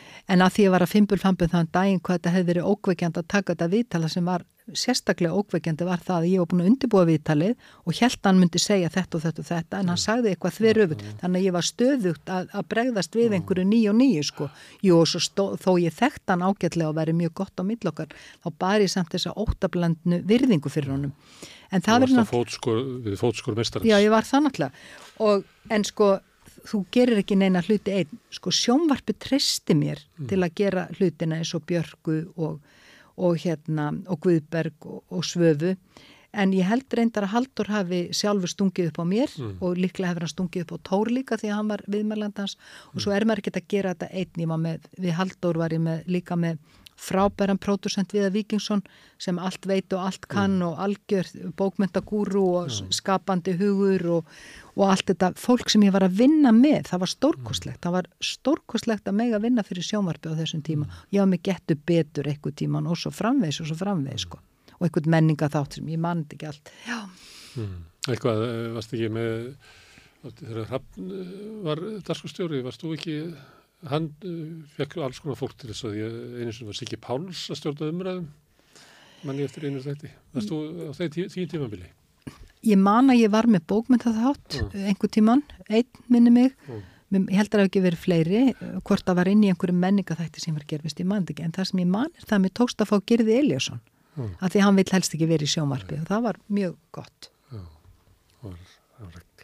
Herðu, þú varst í fréttastofunni og hefur tekið þátt í svona fjölmöðlun bara til þess að eiga fyrir sallikrautin eða e, sérðu eitthvað í e, bladamennsku, fréttamennsku fjölmöðlum um fjölun betur það ekki gefandi? Ég byrju, ég er ekki alveg því, því að þú ert skáld og rittvöndur svo hefur þú starfað sem á fréttastofunni og unnið alls konar sjónasefni Lítur á þetta sem svona hluta ferlinu þínum eða var þetta verkefni sem þú tókst að þér til þess að bara eiga fyrir salt í gröðin? Sko náttúrulega þegar ég var að vinna á fréttastofunni þá var ég ekki búin að ákveða hvað ég ætlaði að verða þegar ég er því stór sko. Þannig, og það var mér mjög ljúft að vinna þar því að þetta var dásamlegu vinnustafur og Margrit Indriðadóttir fréttastöru hún var mér afskaplega liðhóll mm. ég fekk stundum þryggja mánaða starfslaun og þegar hérna, sömafríi kom við, viðbætt þá var, voru þetta fjóri mánuður og hún sá alltaf til þess að ég geti hérna fengið að fara frá þegar, þegar þessi starfslun komi upp. Um, sko ég, ég get alls ekki sagt að ég hafi gert þetta allt eins og allt í gröðin þó að þó að ég mögulega ef ég hefði átt skýtnóan penning að ég hefði slefti mm. skiluru en þú getur ímyndaði hvað ég er stolt yfir því að hafa hérna átt þátt í því að dokumentar allt þetta fólk. Mm og svo miklu, miklu fleira. Ég tók til dæmis viðtal sem er mjög kært við Ástu Eiristóttur, ekki Svafa Skuðnarssonar fyrir mm. mannlíf. Tók viðtal við Lára Höllu Mokk, réttageðlagni fyrir mannlíf sem ég líka mjög hérna ánæmi og, fyrir, og við Margreði Indriðadóttur tók ég viðtal sem að, að mér var mjög kært fyrir mannlíf. Þannig að sko ég hef þetta verið auka mitt líf, mm. bara mjög mikið og en auðvitað hérna á tíma auðvitað þá hérna á tímabilum að þá það, sko ég hef náttúrulega vannir svo skeppna, við getum bara sagt það bæði við skrippborðu og mm. svo líka frílands og svo var það svo lægilegt eftir því sem ég kannski uh, varð svona meira og meira blöng að þá dró ég meira og meira úr hérna úr lausamennskunni bara vegna þess að mann náttúrulega hefur bara ekkit endalust þreg og ég hef alltaf reynd að forðast það að, að gera hluti sem að koma niður á því hvernig mig gengur að skrifa mm. Svo blandast þetta eitthvað, eh, þú skafaði bókum heiðu það ekki sem er eitthvað svona mörgum viðtals og skaldskapar eða, eða hvað. Ég er bara að velta fyrir mér hérna með svona, eitthvað svona bladamenska og svo er hérna, ertu skald sem að skrifar bækur. Hvort þetta sé eitthvað svona, hvort þetta tengist eða hvort þetta sé alveg aðgremt í þínum auða. Sko, ég get allavega sagt það. Það hefði aldrei komið til mála að skrifa bókina um heiðu, þjáltalabondan og ekki heldur um Vítísi Fimbo og dóttur, mm. nema af því að það hefði þjálfun í bladamennsku. mér hefði ekki dottið í hug og það er náttúrulega kemur saman svona það sem ég kann bæði blað, úr blaðamennskunni og svo úr skáldskaparheiminum og um, það aukaði anda minn mjög að vera nálagt heiðu og ekki síður nálagt hérna vítisið, þetta er náttúrulega og það er, ég er náttúrulega stolti við því sko að ég hef ekki bara verið upp á kvennhöndina í hérna í skáldsögunum, mm. næstu því alla söguhettirna mínar eru kvennpersonur, mm. heldur hefur mér tekist að að búa til eitthvað sem að ég, mér finn, sem ég vona sé mikil svirði bæði um heiðu og svo um viktísi og en í báðum tilfellum þá þurfti ég eins og alltaf líka þegar ég skrifa skáldsög ég þarf alltaf að finna upp nýtt form fyrir það sem ég er að gera og um, í tilfelli heiðu þá hafði ég fyrirmynd sem er Svetlana Aleksevit sem er höfundur sem ég dái hvað mest í nútímanum mm. og hún var náttúrulega með margar ratta skáldsögur og ég vissi að ef ég hefði bara rött heiðu þá væri það áhætta, mm. verður þetta ekki eintóna en ég tók þessa áhættu á endanum og mér finnst hún hafa borgað sig og ástæðan meðal annars fyrir því að þetta gekk uppi svo að orð færi heiðu það er alveg einstaktt, það er skaftfelskan blanda við svona nútíma slangur og svo framvegis og hún er áðbóstlega frjó í, í nótkun tungumálsins mm og þess vegna hérna gekkut upp. Mm. Erðu, þú varst að fá uh, bókmynduðalunum daginn, aftur. Aftur og ekki nýbúin, 96. Það er nú alltilega að fáta 30 ára fresti. Þetta er svolítið svona, svolítið svona uppskerað. Það sé svona við að verða að tala við þig og svona, svolítið svona uppskerað, eða hvað? Ég bara myndi segja bara þetta er, það er skemmtilegt þegar að, hérna, þegar að verk eftir mann hefur svona mikið hljómgrunn og bókin hún hefur rosalega mikið hljómgrunn. Ég var að lesa upp úr henni gæri ég var að lesa úr henni þarna í bókabúinu Sölku mm. Og uh, það kemur fullt af fólki ennþá og, og hérna, ég var nú ekkert að kynna hann á Íslandi fyrir jólinn, ég var úti bara, fór úti í september til Fraklands. Ég veit að ég enda að fá þig yngar til þess að tala um hana. Já, er alveg rétt, já.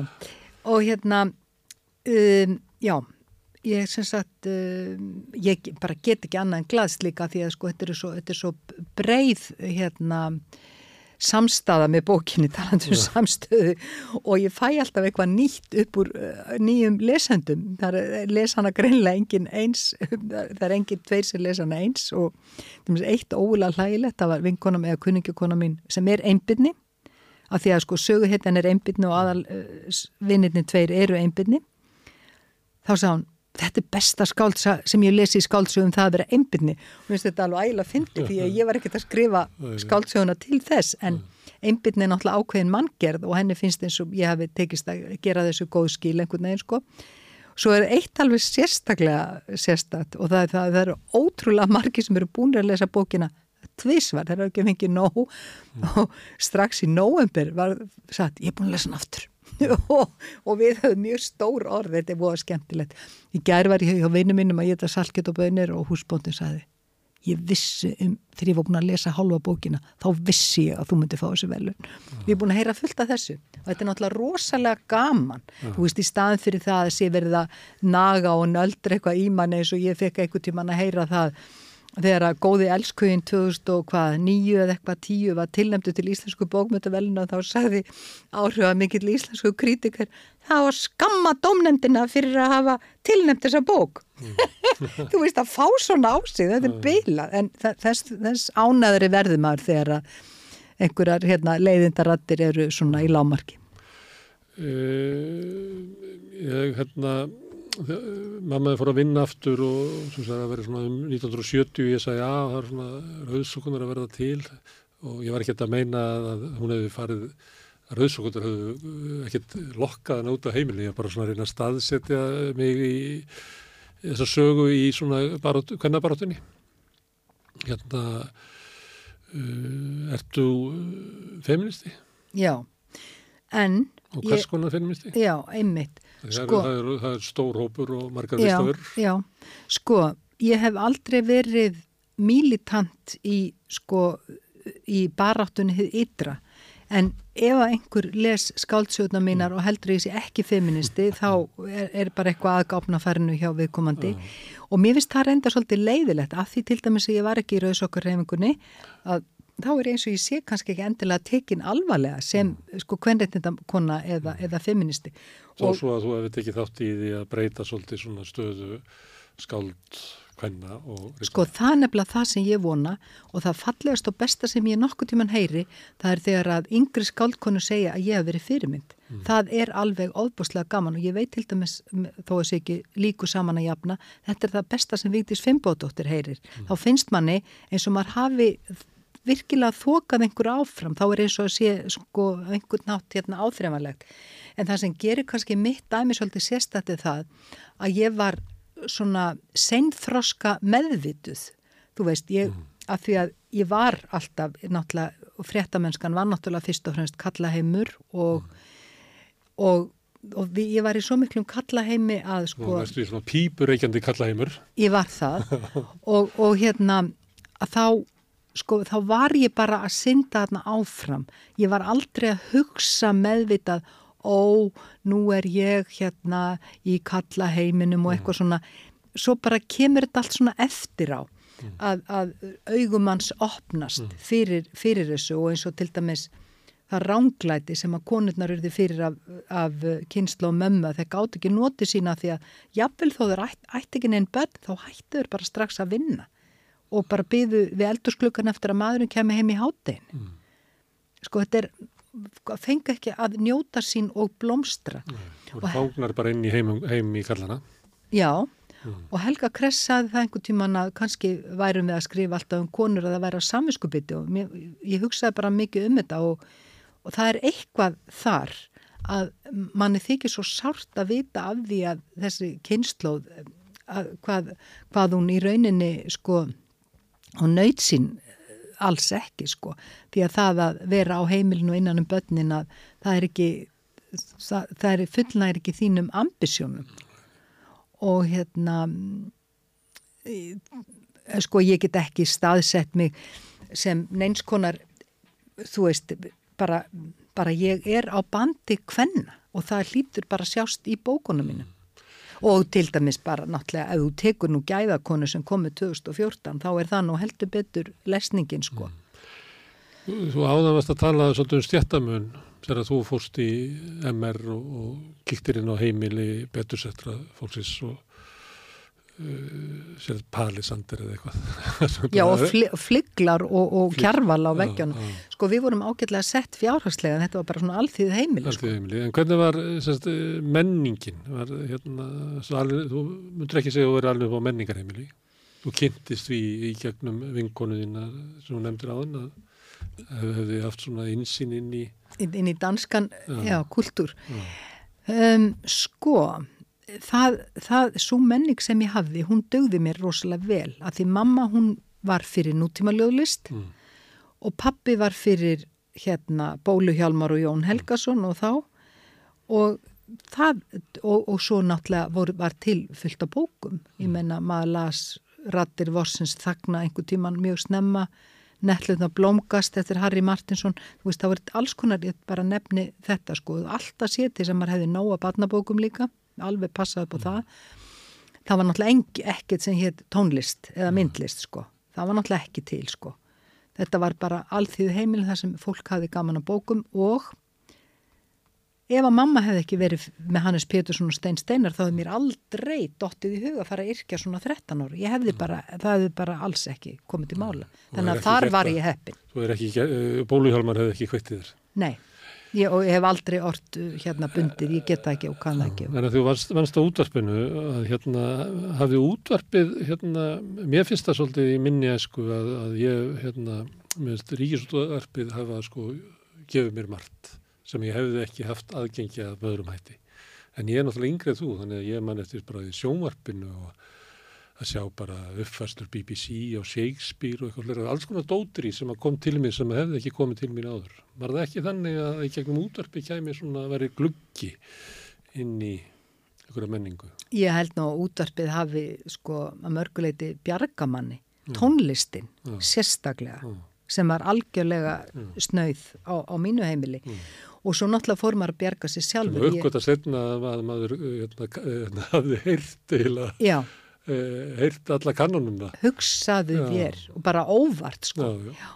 Nei, þetta er náttúrulega alveg óvart ó, ó, ótrúlegt sko, jú, jú, maður hlustaði á kvöldsögurnar og útvarsleikritinn og þetta ólmann náttúrulega mjög mikið upp og hérna uh, og, og sem sagt þessi, svo náttúrulega fór maður að bjarga sér sjálfur með tónlist þegar maður var unglingur þú veist, maður hlusta á þá kemur poppið mm. og það er náttúrulega ótrúlega lukkulegu tími að vera akkurat head on þegar að hérna býtlarnir og Rolling Stones er að byrja mm. og enn og eitthvað um það í nýju skáldsönum en um ból, einhver hefur sagt manni það að þeir myndu svo bara halda áfram að ganga aftur í lífi mann grindtóraði Rolling Stones að spila þessi lög endalust, það er náttúrulega eins og lega Já, það er svolítið eins og þessu först í einhverju bara einhverju sultu með þetta, þessa æsku menningu sem að þið kynntust Þið ætlið að hlusta á þetta líka á ellumilinu?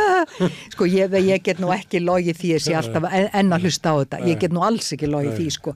En ég menna þetta kveikir í mér þegar ég heyri það. Nei, nei, ég er ekkert að spila þetta. Ég er að hlusta á einhverja. En ég er reyndar sko, ég er alæta á tónlist og hérna, en svo var líka það sem Ólmann upp sko, það voru þessir stórkostlegu útvarsmenn eins og Jón Múli, mm. Stefán Jónsson rattinnar og bara, mm. þú veist, þetta var náttúrulega ótrúlegt, útvarsleikritin Röttin í Þorstinni Stefensen, Lárusi Pálsinni mm. þetta þetta var ótrúleg menningastofnun það var En að því að þú fer ekki, kannski, það er ekki alveg augljós leiðin sem að þú ferð sem skald og rítuundur að þjótt kona. Uh, Rækstu þið eitthvað tíman á eins og það því að væri hérna haldið niðri út af stjætt, að þú væri ekki full gild af því að þú kemur að alþjóðu heimili. Að því að þú varst að tala svolítið um stjættamun hérna í æskuðinni. Nei, það held ég ekki. En aðalega eru mínar ótráðnu slóðir bara þær að ég hef orrt ljóð og skrifa skáldsögur í öfnum höndum, sannsögur, badnabók, bara allt nema maturslubók. Mm. Það er nú mínar aðal ótráðnu slóðir. En jú, það er líka rétt. Auðvitað var þetta ótráðun slóð sem ég var að fara þarna og það var einhver ný, já. En Ég myndi nú segja að mér hefði nú gengið betur ef ég hefði verið með ættanab sko. Uh -huh. Það hefði nú verið þægilega. Já, já, ég held það nú. En, en þetta var ekki, þetta var ekki fjöturum fót. En það var samfélagið í degluðarna, þetta eru stóru kynsluðunar, babyboom kynsluðunar að, að mm. fara, uh, bara það þarf að bara búa til nýjan mentaskóla á fimm ára fresti til þess að mæta já. öllu þessu já. búmi upp um stjættir. Já, já. Þannig að sem er kannski síður í gangi núna og ég held að sé bara að sína fram á rannsóknum að það hefur dreyið úr Sagt, hvað heitir þetta, félagslegum reyfaleika mm. í okkar heimsluta mm. mm. en, en þú ert náttúrulega af babyboom kynsluðinni það sem er, eh, þetta er mest mest í félagslegu reyfaleikin mest að deglan svona menningarlega deglan. Þetta var náttúrulega klikkað í voðakverfinu, ég held að voðaskóla hafi verið þrý setin sko Já. þetta var þvílikt kraðag sko og ég er eftir á að higgja svolítið ána með það Já. þetta fjölmenni og fjölbreytni og allt það sko Hvenar hérna lastu Guðbergvist? Um, sko, félaga mínir voru með þetta í menturskóla. Maður var náttúrulega í skóla hjá vinum sínum í, mm. í menturskóla, sko, hjá strákonum sem að voru svona miklir spekulantar. Þeir náttúrulega heldu mikið í manni andlegu lífi, sko. Þeir voru með, með hérna Tómas Jónsson. Ég hafði nú ekki mikinn áhuga á þeirri bók þá. Mm Það fyrsta sem ég man, það er músin sem læðist og hún er reynda rataði inn í skáldsögu eftir mig sem heitir Ástin Fiskana.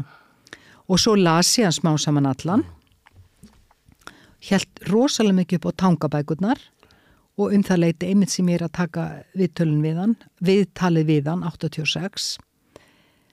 Svo kemur hann síðar með hérna fadur og móður og dylmögg benskunar skáldæfi söguna sína sem er algjört meistraverk, mm. algjört og svo kemur hann með þá bók sína sem ég með mest og það er svo kvalda ást sem hugafylsning geima mm. og það er einn Það kann að nefna bækuna sínar. Hvað sér þau? Það kann að nefna bækuna sínar Já, mér finnst það, Já, mér finnst það. Stórgóðsli nefn Sko mér finnst það. Og yfirlegt er ég á móti svona flóknum tillum en ekki í þessum tilfellum. Já. og svo kvalda ást er einfallega ein af örfáum skáldsögum sem ég veit um íslenskum á setni tímum sem er róttæk og hún er þannig að hún veldir manni jamt upp úr sásauka og hæðni og veldur mjög miklum áreikstrum í sálarlífinu sálarlífi lesandans mm. og þannig vil ég að mína skáldsögur virki á lesandan þó ég hafi nú aldrei skrifað neitt í drastist eins og þessa bók og hérna og þetta er sem sagt svo af hans bóku sem ég met allra mest og mér langaði mjög mikið til að fjallum hana til dæmis í útvarp og ég hafði leifið frá Tresti Helgasinni sem var þá dagskrafstjóru og þá var það aldrei af því og svo fjall Guðbergum minn frá. Mm. Erður Steinun Það hefur komið fram hérna að þú skrifur á mónana og svo gætur þess á, á daginn að þreita þig um og oftur þess að hafa orku til þess að skrifa daginn eftir og ekki vil ég bera ábyrð á því. Þannig að ég þakka ekki alveg fyrir að koma hingað að rauðaborðinu og segja aðeins frá þér líka um, tala um, um Ísland og Íslands samfélag þú vilt ekki tala of mikið um þig þegar það er ekki eftir svona verðt er það rétt? Sko það er bara betra aðri gerir það, Já. held ég. Herðu Steinun, kæra þakkir. Takk fyrir að ég mátti koma. Og hlustundu þakka ég kærlega fyrir að staldra við hér. Uh, Framöndan er helgadaskrá, það er úrval vikunar hér setna í dag. Á morgun verða svo mótmann í morgun í morgumatt sem átni eir æfastóttir sérum og í hátteginu verðu við bræður hér í þættinum, þjóðmála þættinum Sýnir Egils en ég þakka fyrir og segi góða helgi. Segðu það á samstöðinni.